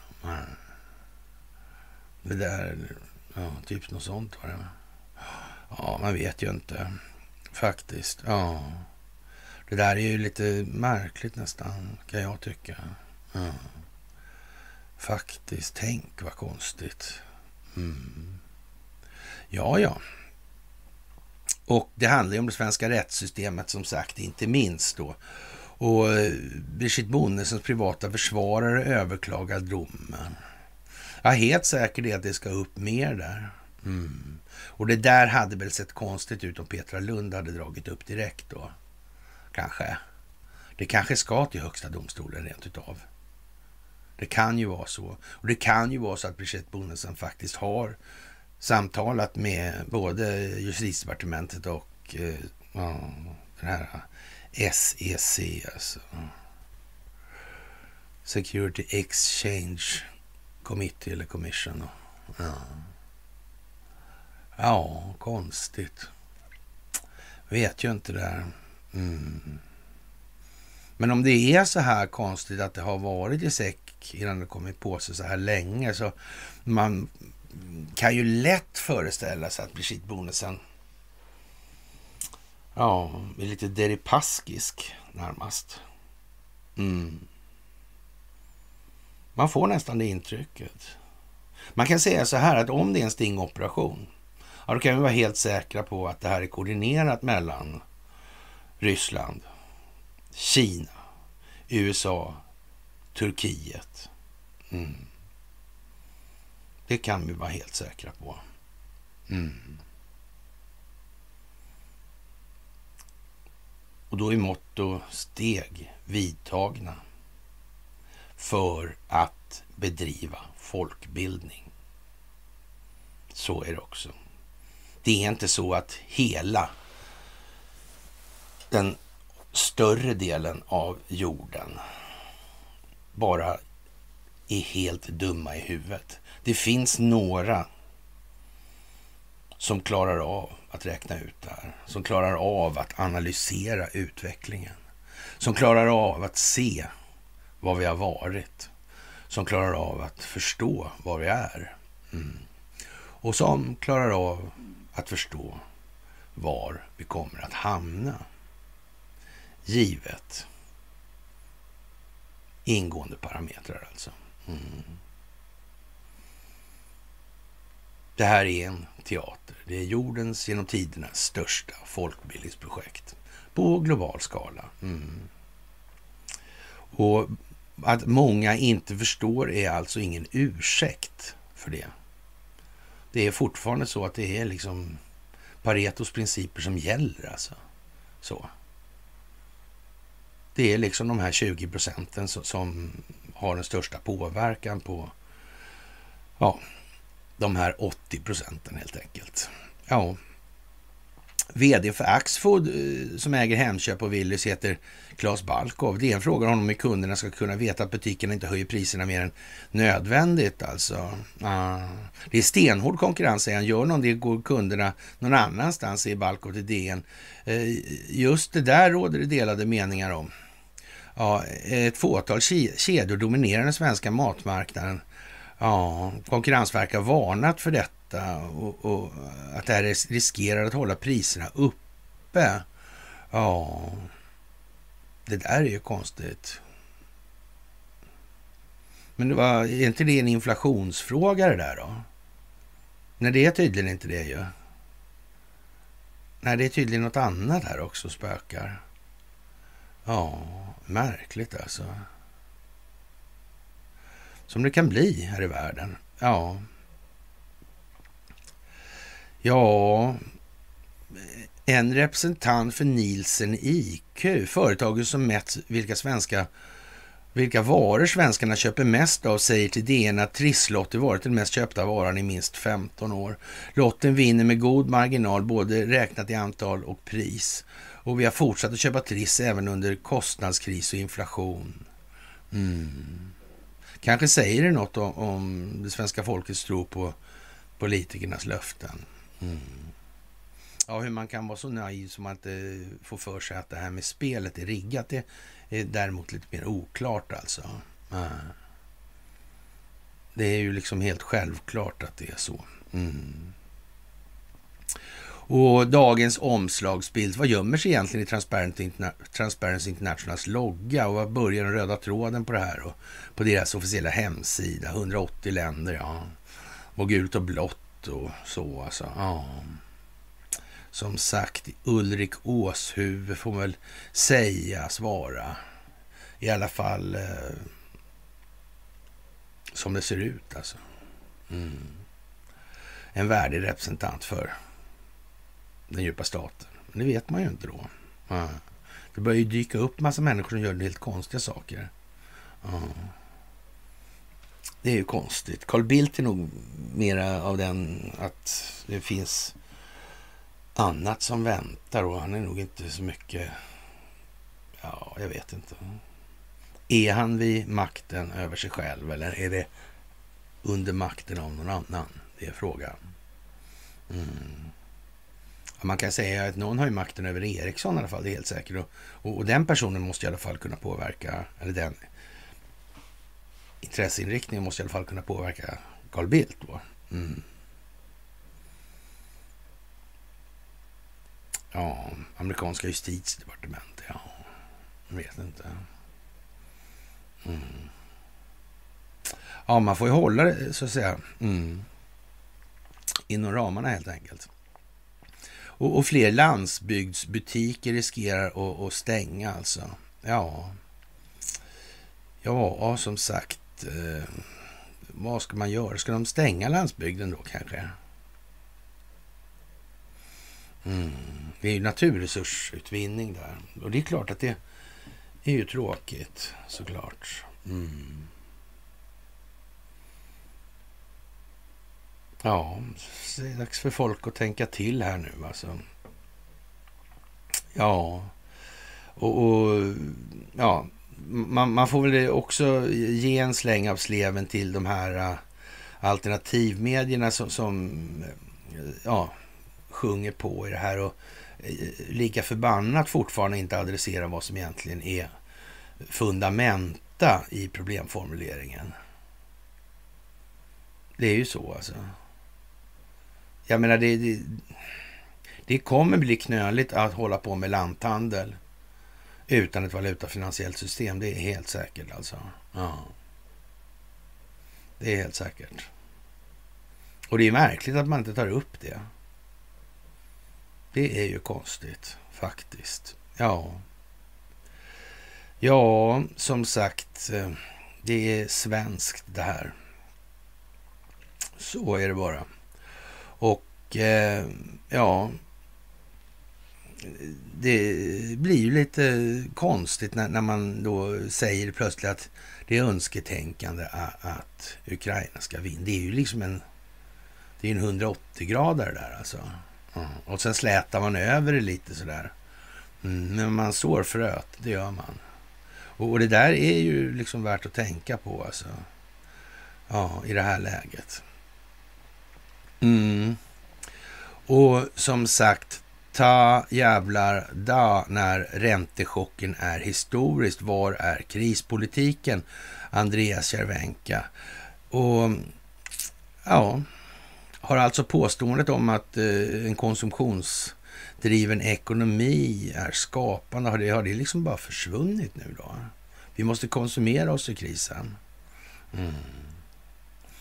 Ja, det finns ju en teori, alltså ekonomin går ju dit efterfrågan går, men problemet är ju när eh, ja, förutsättningen för arbetsdelning, alltså betalningsmedlet, ja, är behäftat med en kostnad.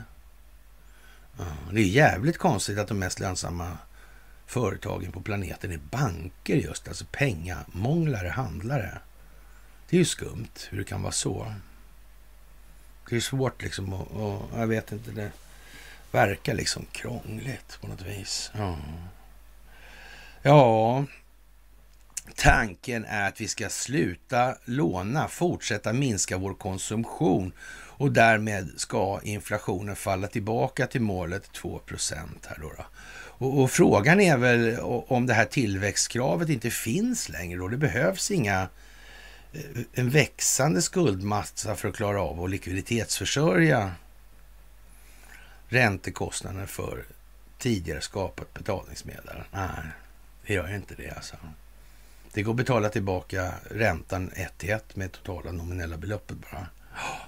Ja, skuldbeloppet plus ränta alltså går tillbaka.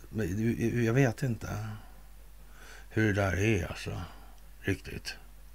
Nej. Jag lanserade ju en gång, jag tror 2014, att man kunde ju ge de största krediterna till dem med lägsta kreditvärdigheten och så kunde man ge då negativ ränta. Så då skulle man ju balansera upp det. Men det verkar på något vis inte som att det är särskilt intressant att köra systemet baklänges.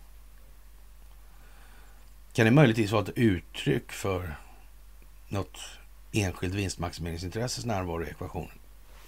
Pass, jag vet inte. Det skulle kunna vara det faktiskt. Ja, Räntechocken är historisk och vad är krispolitiken? De senaste årens rekordsnabba ränteuppgång är en hård smäll mot Sverige. Nya BNP-siffror visar att ekonomin snabbt börjar ge vika och 2023 eh, blir ett krisår i klass med 2008 ser man på. Ja, ja det kan man säga faktiskt. Ja. Skillnaden den här gången är att politikerna inte gör något. Nej, vad konstigt. Ja, hur var det 2008 egentligen? Anledningen och varför? Mm. Ja, kanske någon ville rasera det där då. Ja. Men så var det någon som såg till att det inte blev så. Ja, så kan det ju vara. Mm. Och sen hände det massa saker. Ja. Massa dumma saker. Mm. Som dokumenterades. Aha, ja just det. Det var det ju. Mm. Och det här tog ju avstamp långt tidigare. Det stod 9-11, kriget mot terrorismen. Ja, just det.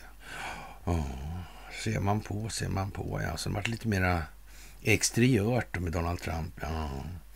Sen måste det, mm, måste det in en riktig sopa för att göra klart för befolkningen, skapa en optik som får befolkningen att inse systemfelen och den institutionaliserade korruptionens närvaro. Men det kanske ingen har tänkt på. Det blev så ändå bara. Ja, ja man vet ju inte. Vad vet man egentligen? Mm. Som sagt. Jaha. Och ja, det där med procenträkning kan vara lite lurigt då. Riksbankens styrränta är nu 3 procent. Det är extremt hög ränta. Det är ingen extremt hög ränta eh, i ur ett historiskt perspektiv, heter det inte i, men ur heter det. Men okej okay ja, I mitten av 90-talet var det 9 procent och hösten 2008 4,75 procent. Eh, så hur kan vi kalla det här en räntechock? Ja, från slutet av 2005 till september 2008 höjde Riksbanken räntan från 1,5 till 4,75 eh, procent. Det motsvarar en uppgång med 217 procent på drygt två och ett halvt år. Ja, mellan slutet av april 22 och februari 23, bara lite mer än nio månader, vred Riksbanken upp räntan från 0 till 3 procent. Ungefär lika mycket i procentenheter som 2005 till 8, men väldigt mycket mer i procentuell ökning. Hur mycket mer? Ja, rent matematiskt så är en uppgång från 0 till 3 faktiskt oändlig. Ja, det, alltså, det handlar alltså om en minst sagt rejäl räntesmocka. Och Riksbanken är inte klar med det. I april väntas räntan höjas med åtminstone eh, 0,5 procentenheter till 3,5 procent. Det här rappakaljandet rappakaljan, är vad den är i och med att pengar skapas på det sätt det gör. Och, och, och, det kan vi ju liksom, och det finns ingen mekanisk koppling emellan. Men det, det, hör, det hör inte hit riktigt, därför det här handlar om folkbildning. Folk måste ta sig någonstans i början. Och, och, samtidigt som de som förstår det här måste ägna sig åt att slipa på argumenten för att kunna hjälpa till på sin kant på egen hand. Så alltså. Och det är viktigt alltså. Ja, eh, 23 ser ut att bli en riktig, ett, en riktig, ett riktigt krisår för ekonomin. Riksbanken väntas komma med fler räntehöjningar. En annan bra illustration av hur snabbt räntorna stiger stiger får vi genom att titta på vad svenska staten betalar för att låna. Och, för exakt ett år sedan var räntan på tvååriga statspapper minus 0,15 procent. Idag är den 3,2 procent. Det är den mest dramatiska uppgången på minst 30 år. Ja. När det handlar om eh, procenträkning är det också relevant att fråga procent av vad? Hur hårt ränteökningar slår beror ju på hur stora lånen är alltså. Mm, 95 när Riksbankens ränta alltså var 9 procent uppgick Sveriges samlade skulder, alltså hushåll och företag och offentlig sektor till runt 3500 miljarder enligt SCB då. Och det betyder att för varje procentenhet som räntan steg ökade ränteutgifterna med 35 miljarder i runda slängar, eller 1,8 procent av dåtidens BNP. Vid utgången av 2021 var skulderna 13 750 miljarder. 1 procent mer i ränta innebär alltså 138 miljarder i ökade utgifter eller 2,5 procent av BNP. Mm. Ja, det verkar som den här skuldbelastningen växer exponentiellt med tiden. Vad skulle det här kunna bero på tro? Jag vet inte, men det här är ju upplagt på det viset så att alla ni ska se att ja, det är skuldmättande. Liksom. Ja, det är ju det, så är det ja, Men när han är tvungen att lägga upp, för vi har sett de här klippen, vi har förklarat för honom det här är mättat och så vidare så där, på mail och till och med på ett YouTube-klipp. Liksom. Så. Mm. Och här har vi Jallarhornet. Fullkomligt vrålar nu. Det är bara en liten detalj kvar. De där fem prosangen liksom. Ja som sagt. Det är framförallt hushållens och företagens skulder som har stigit från eh, 2250 miljarder 95 till 11 800 miljarder 21. En ökning med 420 procent eller mer än dubbelt så mycket som BNP-tillväxten. Jaha. Poängen, svensk ekonomi är betydligt mer känslig för stigande räntor idag än tidigare. Ja, det verkar som den, är liksom, den ökar på något vis. Alltså Eh, ja, om vi tar tidsaxeln åt det där hållet och, och räntebelastningen och räntekostnaden mm, på vertikal axel då. Mm. Ja, när den här tangenten i, i en punkt på kurvan där i 45 grader då går ju lika mycket att, att finansiera då tidigare och ändå kan skapa då någon form av realekonomisk värdeförädling. Mm. Men problemet är att det där växer ju. Vi kan inte stanna där. Mm. räntan är en funktion av tid och den går bara. Mm. Den går bara. Mm.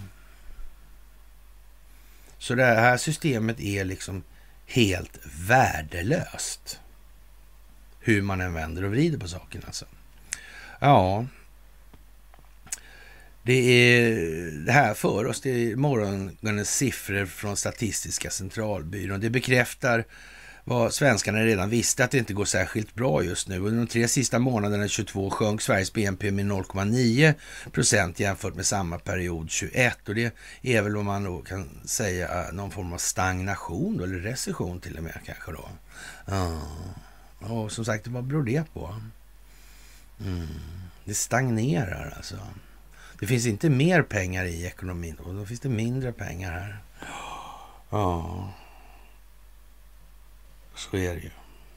För det är fortfarande inte riktigt klarlagt hur det går till när de här antalet fler pengar som cirkulerar gör att, eller att det verkar prisdrivande. Eh. Faktum är väl kanske snarare att det aldrig någonsin har gått att förklara på något vis. Alltså. Inte ens om man håller på med korspris, elasticiteter och... Mm. Men tänk alltså. Shit alltså. Ja. Mm. Nationalekonomin liksom. Ja, alltså. Mm.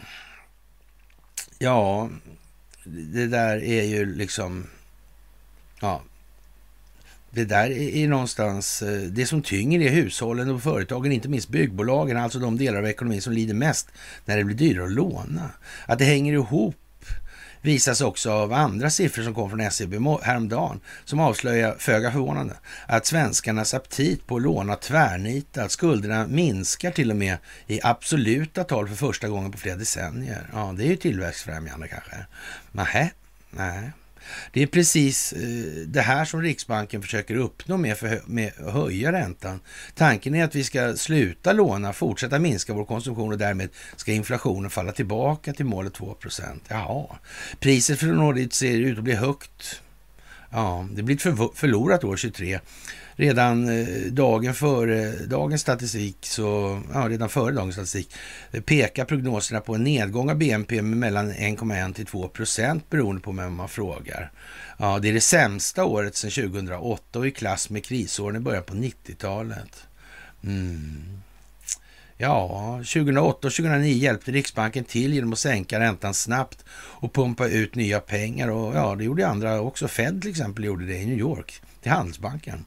Ja, även den dåvarande borgerliga regeringen öppnade plånboken för att stötta ekonomin och, och rädda finanssektorn. Vad konstigt det där. Det handlade om att eh, spräcka det här fasta växelkurssystemet alltså. Mm, för att kunna expandera krediter. Mm. Räntekostnadstillväxten måste uh, hanteras. Ja, sådär ja. Jaha, och eh, man öppnade plånboken för att stötta ekonomin och rädda finanssektorn. På 90-talet genomfördes en budgetsanering, men åren därefter gjordes bland annat satsningar på utbildning. Den här gången bromsar Riksbanken, men det gör även politikerna. I rädsla för att driva upp inflationen har regeringen hittills suttit på händerna när lågkonjunkturen närmar sig statens närmat sig. Statens budget gick under 2022 med ett rekordöverskott på hela 164 miljarder kronor. Sverige utmärker sig därmed i Europa. Vi är det land där ekonomin spås falla mest under 23, samtidigt en nation där politikerna lägger mest pengar på hög. Ja, vad som bör göras är förstås en fråga om politisk uppfattning, men det är lite oklart hur investeringar i att skola om arbetslösa, fixa en dåligt fungerande infrastruktur och se till att människor inte dör i operationsköer skulle kunna leda till en okontrollerad inflation. Mm. Sverige befinner sig i ett märkligt läge. Omvärlden ser allt mer på oss som ett varnande exempel. Jaha, en tågolycka är på väg att hända, men istället för att göra något verkar politikerna satt sig på perrongen och tagit fram popcornen. Det ger ett lite märkligt intryck. Ja, tänka sig. Det är små detaljer nu bara. Små, små, små, små detaljer. Det är speciellt. Riktigt speciellt är det. Ja, det här är faktiskt eh, så speciellt att det, det, har aldrig varit så här speciellt. Det, nu är det som det är. Mm. Och då är det ännu mer speciellt att det finns massa människor som uttrycker att de vill en massa saker men som gör saker som i själva verket inte alls har med de här resonemangen att göra. Nej. Det är ju det alltså. Ja. Det är märkligt alltså. Ja, FRA. Ja. Hur var det med FRA där? Och, och verksamheten. Svensk signalspaning slår rekord alltså. Mm. Förra året var både efterfrågan på och de underrättelser som FRA producerade högre än någonsin tidigare enligt myndighetens årsrapport. Mm. Jag menar, det finns ju ingenting som vi pratar om här idag till exempel. Som inte, det, är så, det sitter ju liksom ovanpå klubb... Det är ju bara en hög med grejer nu alltså. Mm. Ja, vad ska vi säga? Faktiskt. Jaha, och eh, det är tågstrul inför påsk naturligtvis. Mm. Så är det ju. Många högtider där. Mm. Det är en månad kvar ungefär. Det blir speciellt. Var så säker på det i alla fall. Ja. Det är alldeles säkert. Mm. Och ja, Bo Jonsson Grip var en fin figur helt enkelt. Ja, som sagt. Och skattebetalarna väntas få rädda villabranschen. Man undrar ju om den här eh, monetar, monetärmekaniska ignoransen, dumheten eller vad man väljer att benämna det som. Hur länge tror du de kan hålla på? Och ju längre de håller på med desto mer kommer det komma. Ja, men du, hur kommer det sig att du inte har sagt någonting tidigare om det här egentligen? Mm. Det är ju lustigt det där alltså. Snart är det påsk och rökstenen och påskmiraklet. Och där flaggar jag ju tidigare för det här med att det här med religionens roll i samhällsutvecklingen. Och det är ju, som jag sagt, återkommande då att det är inte nödvändigtvis ont i religionen, men den har ju, religionerna har ju kapats av de här enskilda nyttomaximeringssyftena. Eller till och med skapats, inte bara kapats. De har till och med ja, skapats och kapats. Mm. Och, och, man tar kristendomen till exempel då med Athanasius och, och, och Konstantin och Nicea-synoden och där. Och, och, ja, det kan ju kolla på bloggen då om ni vill fördjupa er i de där ämnena. Det har skrivits några gånger om det där.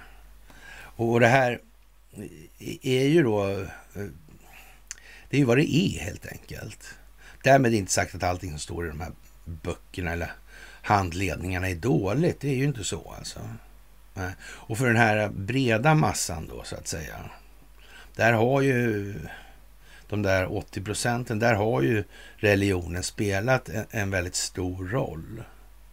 Men, men det går inte att ha det på det viset att man kan använda det där som polariseringskulisser för att härska genom söndring. Så kan man inte ha det.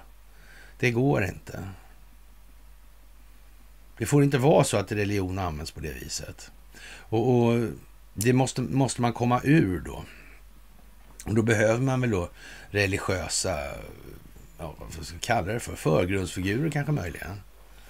I den meningen. Mm. Med ett eh, sekulariserande mm, moraliskt ställningstagande. Ja. Så, va. Mm. Och, och, som sagt, om 10-20 år, då hoppas man att, eller kan vi hoppas på att högskoleklasser kan följa de här resonemangen och så vidare. Mm. Och det är inte alls omöjligt. Jag tror spelvärlden kan spela en enorm roll i de här sammanhangen för den delen. Ja. Och, och friskolor, storägare av friskolor hotar att lämna branschen om skolpengen pengen sänks. Alltså. Ja, tydligt besked alltså. Ja. ja, vad ska jag säga? Jaha, och? Vad är det för bra med friskolor egentligen? Mm. Vad sägs om att människor ska göra vad de ska göra när de är på jobbet? Mm. Jag vet inte, annars kanske man inte ska vara på jobbet rent utav. Jag vet inte. Och, och, Frankrike får lämna Afrika och makaronen betonar att de inte skulle hantera uppbyggnaden. Nej. Precis, ja, konstigt. Mm. Det finns en del om det där faktiskt. Ja. Och det var ingen olycka att den där slapp ut. Nej, det var ju inte det kanske. Nej. Ja, vi får väl se helt enkelt. Det här är, ja, vem bestämmer i Nordkorea förresten? Vet man det? Ja. Ja, 1,2 miljoner röster. Ja, väljare har tagits bort från Los Angeles röstlistor sedan mellanårsvalet där i november. Mm. Det är ju en del alltså. Ja. Det är lite udda kanske, kan man tycka. Allmänna armsfonden, ja, miljonerna där. Ja, konstigt alltså. Allas lika värdeföreningen och Somalilands förening i Malmö är två av de aktörer som i februari beviljats bidrag från statliga fonden som finansieras av avlidna svenskar utan arvingar. Mm. Som sagt, undrar om det där är någon form av tvättmaskin, ja. Ja. Jag har ingen aning faktiskt. Mm. Det är lite märkligt om man tittar på Nya Dagbladet. Så här, de har ofta lite samma glömska inställning till huvudsak och bisak. Mm. Banalt, sketet, polarisering, trams. Ja, det är konstigt. Mm. Ser inte skogen för bara träd. Ja, det är ju lite eljest helt enkelt. Mm. Jaha, och eh, ja. Mm. Som sagt, eh, det har gjorts en film om Wallenberg. Ja. Mm. Mm. Var noga med vad ni ser och tar till er nu. Tänk på att det mäts en massa saker nu. Mm. Artikal och korten nära kroppen har aldrig gällt mer än vad det gäller nu. Det är helt jävla säkert alltså. Sådär. Ja, och framöver är den stora frågan i Dagens Industri hur länge den ryska befolkningen står ut, alltså inte bara med torftigheten och den eskalerande förföljelsen av oliktänkande utan också med isoleringen från omvärlden. Ryssarna har inte mist sitt, eller bara mist sitt ukrainska broderland som de har starka band till. De får inte heller vara med i de stora internationella idrottssammanhangen och inte delta i Eurovision Song Contest alltså. Mm. Och det är viktiga grejer. Verkligen. Ja. Varför skriver man så där i Dagens Industri egentligen? Ja.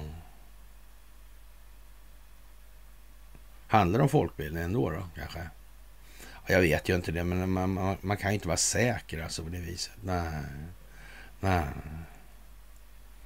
Det där är ju märkligt alltså. Hur det kan bli så där bara. Mm. Ja, kära ni. Det är fantastiska tider när Jens Stoltenberg säger att det är omöjligt att utöka alliansens bistånd till Kiev utan eskalering. Ja, som sagt, vad är det man vill ha här egentligen? Vill han också ha upp dem på tå nu? Mm. Kanske inte hade någon val, han fick inte bli riksbankschef helt enkelt. Nej, Nej. det kan ju vara så. Men det var ont han har gjort då, som är tvingad. Uh, han har ingen stor val... Ja, flora av valmöjligheter, det tror jag inte faktiskt. Nej. Det där är ju lite speciellt tack, faktiskt. Ja. Swedbank tog emot 19 miljoner från Pank Affärsman som nu är häktad. Ja. Pengar som inte fanns, alltså. Bara hoppa in i Swedbank. Mm.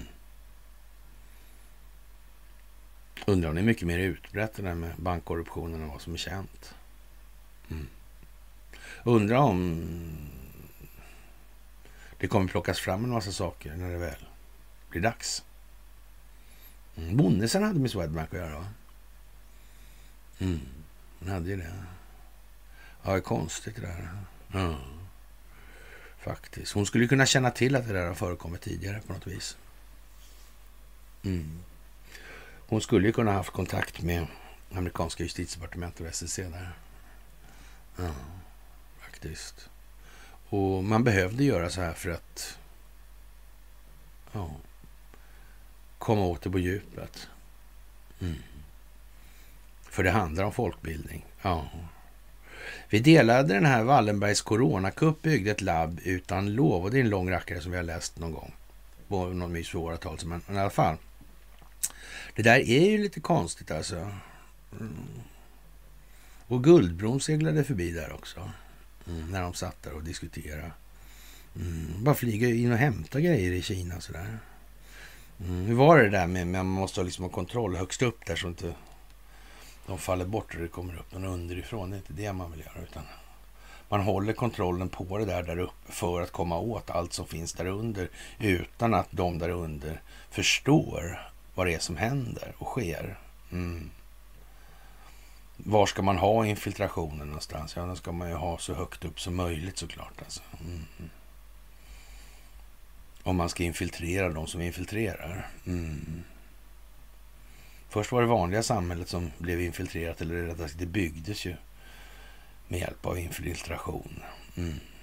Men måste man bli bort med det, där, då måste man infiltrera infiltrationen. Ja. Ja, det är tider det, när det är så. Faktiskt. Och eh, ja, juridisk fakultet sågar utredningen och saknar intellektuell bärkraft. Det här med frihet från hemlig statlig övervakning. Ja. Eh, det är vad som skiljer en demokratisk stat från en totalitär stat. Ja. Som sagt, det är ju bara att fråga FRAV. om avlyssnar ni mig så svarar de ja. Mm. Avlyssnar ni fler? Får vi höra vilka? Mm. Ja, det där är konstigt alltså. Vem gör vad och varför? Saknar intellektuell bärkraft i dagens juridik. Ja. Och till och med GW Persson har eh, kommit upp just av verkligheten i, i den formen att har han tappat det helt alltså? Ja, man pratar om att GW, han är ju ändå myspappa till hela... Ja, han tjänar massor med stålar där och, och det gör ingenting för han har ju rätt. Ja, sådär. Mm. Ja, jag vet inte alltså vad man ska säga om det där riktigt alltså. Och, och han är liksom normen alltså. Mm. Han satt i samma korridor som klänning då, så vitt jag förstått saken alltså. Mm. Inte så långt ifrån. Man känner inte till någonting om det där. Nej. Men det gjorde resten av huset. Inte GV. Mm. Eller i alla fall många andra gjorde det. Mm. Men det var tyst ändå. Tyst från GV också. Samma sak med Doris Hopp-grejen där, va? Karl Persson. Mm. Hm. Ja, grabbarna på Fagerhult ändå. Alltså. Ja, ja, ja, ja, ja. Mm. Ja. Det är då verkligt alltså. Mm. Som sagt, med Leif GW Persson, alltså, hans lugn är ju känt som orumligt, snu, orubbligt, snudd på kroniskt. Har GW börjat tappa det här och börjat flaxa som alla andra? Vem ska vi nu hålla i handen när det blåser alltså? Ja. Konstigt det här. Undrar vad GW har i lasten. Det verkar inte bättre. Nej. Eh. Mm. Ja, vad ska vi säga? Vad ska vi säga egentligen alltså? Det är ändå det här med nationalikonerna. Man får nästan säga så här att, var, att ha varit nationalikon gör nog att man löper en viss risk att det kommer komma fram en massa saker helt enkelt. Mm. Så va. Mm. Det kan man nog säga, ja. Utan vidare faktiskt. Utan vidare spisning helt enkelt. Och amerikansk skuldsättning går i taket, tysk skuldsättning går i taket, svensk skuldsättning går i taket. Mm. Men om man betalar tillbaka de här lånen då, så då minskar inte penningmängden. Och, och, den ekonomiska aktiviteten påverkas inte av det enligt eh, professor Björn Söders nationalekonomiska förmenande. Mm. Nej, nej, men då är det ju så liksom. Ja, som sagt, det där med situationen i Ukraina är ju vad den är alltså. Och nu kommer många saker till sin spets alltså. Mm. Jag vet inte. Det är ju rätt så tydligt nu tycker jag, men det kanske är fel alltså. Ja, faktiskt. Mm. Det, är liksom, det är i princip ingenting annat än tecken i skyn, eller vad vi ska kalla det för. Ja. Faktiskt. Ja, vi får väl se helt enkelt. Och eh, ja... Det är ju så ner till små detaljer som att EQT är nära, EQT är nära miljardköp av amerikanska Radios Global Infrastructure. Och, och, ja, man måste förstå de här bolagen, hur man kontrollerar saker och vad som ska ske. Men nu är man ju under kontroll av amerikanska justitiedepartementet och, och ja, Ericsson innebär ju att utan den kontrollen så ja, då får man hålla sig liksom. Mm. Ja, speciellt är det i alla fall. Ja. Och, och Janet Yellen gör liksom en eh, brandkårsutryckning, dennes överraskningsvisit till, till eh, ja, till Zelensky och för att slaska iväg då eh, 1,25 miljarder dollar då. Mm. Det måste bli rätt tydligt tydligen innan det landar någonstans alltså. Ja, 1500 H&M-anställda sägs upp och de jobbar på IT-avdelningen allihopa. Mm. En jävla liten IT-avdelning. Mm. Ja, jag vet inte alltså. Ja. Det blir en avsevärd minskning av franska styrkor och, och i Afrika, säger makaronen. Ja. ja, det är möjligt alltså det här med, med... Vad sa inte hon italienskan där i parlamentet någonting om det där? Jag tror det, va? Ja. Med barnarbete och allt vad det var. Jag vet inte. Mm. Ja, och ja, det här med bröd och skådespelsindustrin, den kommer att få vad den ska ha. I den meningen. Så är det bara. Mm. Faktiskt. Ja, med det så är det väl eh, ja, piglördags kväll som står på turen. Sådär. Och eh, ni ska naturligtvis ha det allra, allra största av tack. Återigen alltså. Det här är fantastiskt och ni märker själva det är liksom någonstans finns det en kärnstruktur i det här och vad kan det vara någonstans tro? Mm. Jag tycker liksom inte så här när vi är inne på upplopp och så, jag tycker inte jag ser liksom Eh, varken rymdödlor, Rothschild eller eh, judekonspirationer i vinnarhålet alltså. Eh, det verkar vara ett krassa prylar det här. Ja. Det verkar mest bli pinsamt för rätt många på slutet. Mm. Faktiskt alltså. Ja, antistatliga budskap, ja. Mm. Som sagt. Vem gör vad och varför? Ja, Ericsson har varit i Indien sedan 1903. Mm. Tänk vad dumma de var, engelsmännen. Här. Ja, mycket märkligt. Mycket märkligt. Och ja, om det då är ett folkbildningsprojekt. Om det då är ett stingoperationsbaserat folkbildningsprojekt. Då är situationen vad den är här i Sverige. Och det är ju, vi kanske inte är framme vid riktigt än att folk börjar se att det fan kan inte vara något annat alltså.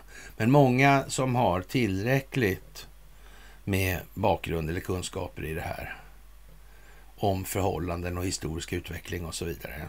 Mm. Och monetärmekanik och till och med kanske har klurat ut lite att man får nog fan ta tag i sig själv lite grann också. Mm. Då är det så att säga eldskrift på väggen nu. Mm. Och vi ska väl inte göra vår omvärld besviken. Vi ska väl visa att vi faktiskt kan vara världsmästare åt andra hållet, inte bara på att vara sämst. Vi är inte så jävla pjåkiga när vi sätter den sidan till och när vi gör det tillsammans. Då kan vi åstadkomma grejer, det är helt säkert. Och med det, kära vänner, så önskar jag er en trevlig piglördagskväll så hörs vi alltså senast på fredag.